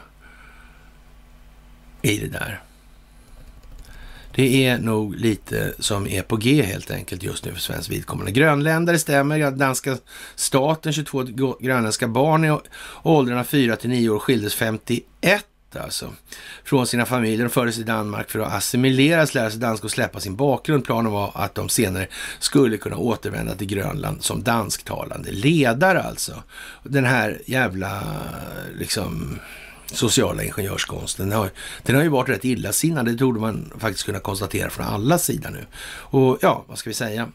Australien undertecknar kritiserat ubåtsavtal då, det här AUKUSA. Och det är ju egentligen ett UKUSA ifrån början då, som är ett underrättelsetjänstavtal mellan USA och England. Men här finns det en fördel då att läsa den här boken av Wilhelm Agrell som beskriver historiken bakom det här och hur det här sitter ihop med kryptologin och underrättelsetjänsternas förmåga att hantera de här dechiffreringarna och såna här grejer och speciellt då för svenskt vidkommande som stod för all teknologi överallt och inte hade riktigt talat om det för alla och till exempel då med den här kryptografhistorien då med Boris Hagelin och så vidare. Och hans kopplingar då till Investor och så vidare. Och så vidare och så vidare. Så ja, men perfekt. Ja, ja, men det där känner ni ju till nu, så det är bara att stå på med det igen. Det är bättre om man kan det mer. Då går det snabbare med resten så att säga. Och eh, ja, de här, då är det bara åtagandet då om livstidsförlängningen på de konventionella ubåtarna som ska bläckas då med Saab Kockums, eller det namn man nu väljer på det här eftersom någon sitter ju på kontrollen för så mycket och har gjort så länge så det finns alltid optioner, det finns alltid ja, preferensaktier. Det finns massa olika sätt som det här och det här finns ju beskrivet då i en bok som handlar om konstformen i att gömma sådana här saker då, kontrollfunktioner. Det är det som inte får synas alltså. Det egentliga huvudmannaskapet måste maskeras. Det är vad det här handlar om. Och det där är The Art of Cloaking då, som då naturligtvis blev då affärer till varje pris på svenska. En jävla fin överraskning. Ja. Saab tycker då att man ska uppnå världens största exportorder, eller Sveriges största exportorder i alla fall genom tiderna. Och eh, ja, vad ska vi säga? Eh, man gör sig lite lustiga i Sputnik över det här. Det kan man säga. Och eh, man kan dessutom säga så här, tittar man på kommentatorsfältet så verkar det precis vara på så sätt att omvärlden har noterat vad det är för någonting som Sverige har ägnat sig åt under lång tid nu. Muta och hota. Det är vad man kan läsa. Ska de där jävlarna komma och mutas och hota nu igen? Ja. Men vi är en humanitär stola. Men nu tycker ju omvärlden att vi bara mutar och hotar. Vilket är det då? då? Ja, vi är inte stormakt nu, vi ger jättemycket bidrag, men det är ju Sida som ger bidrag. De ger ju ingenting, de snor ju allting. Eller? Hur är det egentligen? Tiden är kommen, mina vänner. Tiden är kommen för självbildsrevisionen. Det här kommer rullande in utifrån. Omvärlden tror inte på det här längre. De ser att Sverige är en sketen bluff och aldrig har varit någonting annat. Och vad händer i det här läget? Jo, Ericsson faller tungt på börsen på grund av den här 5-5an. Ja, det är ingen som tror på det här. Inte ens marknaden tror på det här längre. De har tappat förtroendet nu. Oj, hur var det där då? Det tar lång tid att bygga upp ett förtroende. Ja, det måste förtjänas på något vis. Ja. Men det går snabbt att rasera. Oj, det var tokigt det blev. Det var ju tokigt. Ja, Jaha. En, eh, ja som sagt, en liten påminnelse då. Under en paneldiskussion på Bloomberg New Economy Forum på fredag i Singapore så skramlade Hillary Clinton av en lista med teknikdrivna asymmetriska maktcentra som hotar regeringar, inklusive desinformation, artificiell intelligens och framväxten av kryptovaluta enligt Blomberg. Och som sagt, vem det är som gör vad i de här sammanhangen i dagens teknologiska utvecklingsklimat när det gäller filmteknik och sådär. Ja, kalla artig kort nära kroppen helt enkelt. Det är, det är vad det är nu, kort sagt. Jaha, och eh, Span som är då någon form av hälsominister alltså. Eller sjukvårdsminister, Jens Span heter han då. Han säger så här på en eh, presskonferens alltså. Han är hälso och sjukvårdsminister alltså. I princip alla tyskar kommer antingen vaccinerade, botade eller döda när vintern är över, säger landets hälso och sjukvårdsminister Jens Spahn på en presskonferens. Och eh, ja, vad ska vi säga? Ja, i tider av spekulationer om numrerade ampuller, alltså de här med varierande innehåll i injektionsväskan som, ja, till att man får aids och rakt av och så vidare. Så är det kanske inte sådär skitbra strategiskt opinionsbildningsmässigt, alltså som metodval, alltså det här och säga en, en, så, en sån sak som liksom att eh, vaccin, vaccinerade, botade eller döda, liksom, det är vad som gäller nu alltså. Jaha. Ja, ja, det kan man ju tycka är speciellt faktiskt. Och som sagt, Evolution och Ericsson faller tungt på börsen. Det säger man ju lite sen. Och för att kan man ta lite en historisk aspekt på det här med Investor och Kryger och allt det här så kan vi konstatera att det kom in Swedish Match in och den här som förhandlade då för eh, Wallenbergs räkning då, han hette Hewitt och det här från CIAs ja, avklassificerade dokument. Då, så, så, Hewitt, han förhandlar via då Heinrich Himmlers sjukgymnast eller massör då med Heinrich Himmler. Och eh, när Hewitt han jobbade då på amerikanska Swedish Match. Och det här är ju någonting som sker nu. Ni ser att när man plockar liksom ner Investor i delar och man spräcker upp det här och man tar isär och man plockar bort det hej och Och det här är nu en tidpunkt där SEB själva uttrycker det på så, så, här att sannolikheten för bud på Swedish Match är större än någonsin. Man sålde av då den bra delen som var cigarrerna där det inte var så mycket gifter i. Sånt där. Och, och sen fick man sitta med den här skitiga ollen i knät och så är man renodlad där och nu kan man säga då att sannolikheten för bud på Swedish Match är större än någonsin. Ja, vi får väl se helt enkelt och det kan ju möjligen vara så också. Det vet vi inte. Men i alla fall är det så att många saker faller samman och eh, allt blir ett. Och iranska militärer domstol för nedskjutning och vad sa vi? Ja, vem var det som höll tal här egentligen någonstans? För vem? Och sen gick någon förbi sanktionerna. Hur var det där egentligen? Hur gick det till? Vem var någon som sa till om det innan valet 2016? Eller? Men det här var inte planerat och det här kommer nu. Ändå. Den djupa staten finns alltså i Iran alltså. Mm. Vem hade kunnat ana det? Ingen, naturligtvis också. Ingen. Tio anklagade militärer av olika militära grader närvarade i domstolen. Ja. ja, det ligger på. Fantastiskt. Ni ska ha det största tack. Med det får vi nog alltså att vi har kört en stund idag också. Och eh, det blir ju så på måndagar och eh, ja, det händer mycket. Nästa gång kommer Conny att vara med. Det är ju roligt att slippa höra på mig bara. Men eh, jag tycker ni är fantastiska. Helt otroligt bra. Det är så roligt att se helt enkelt. Det största av tack och tack för allt ni gör för att vi ska kunna hålla på med den här typen av verksamhet.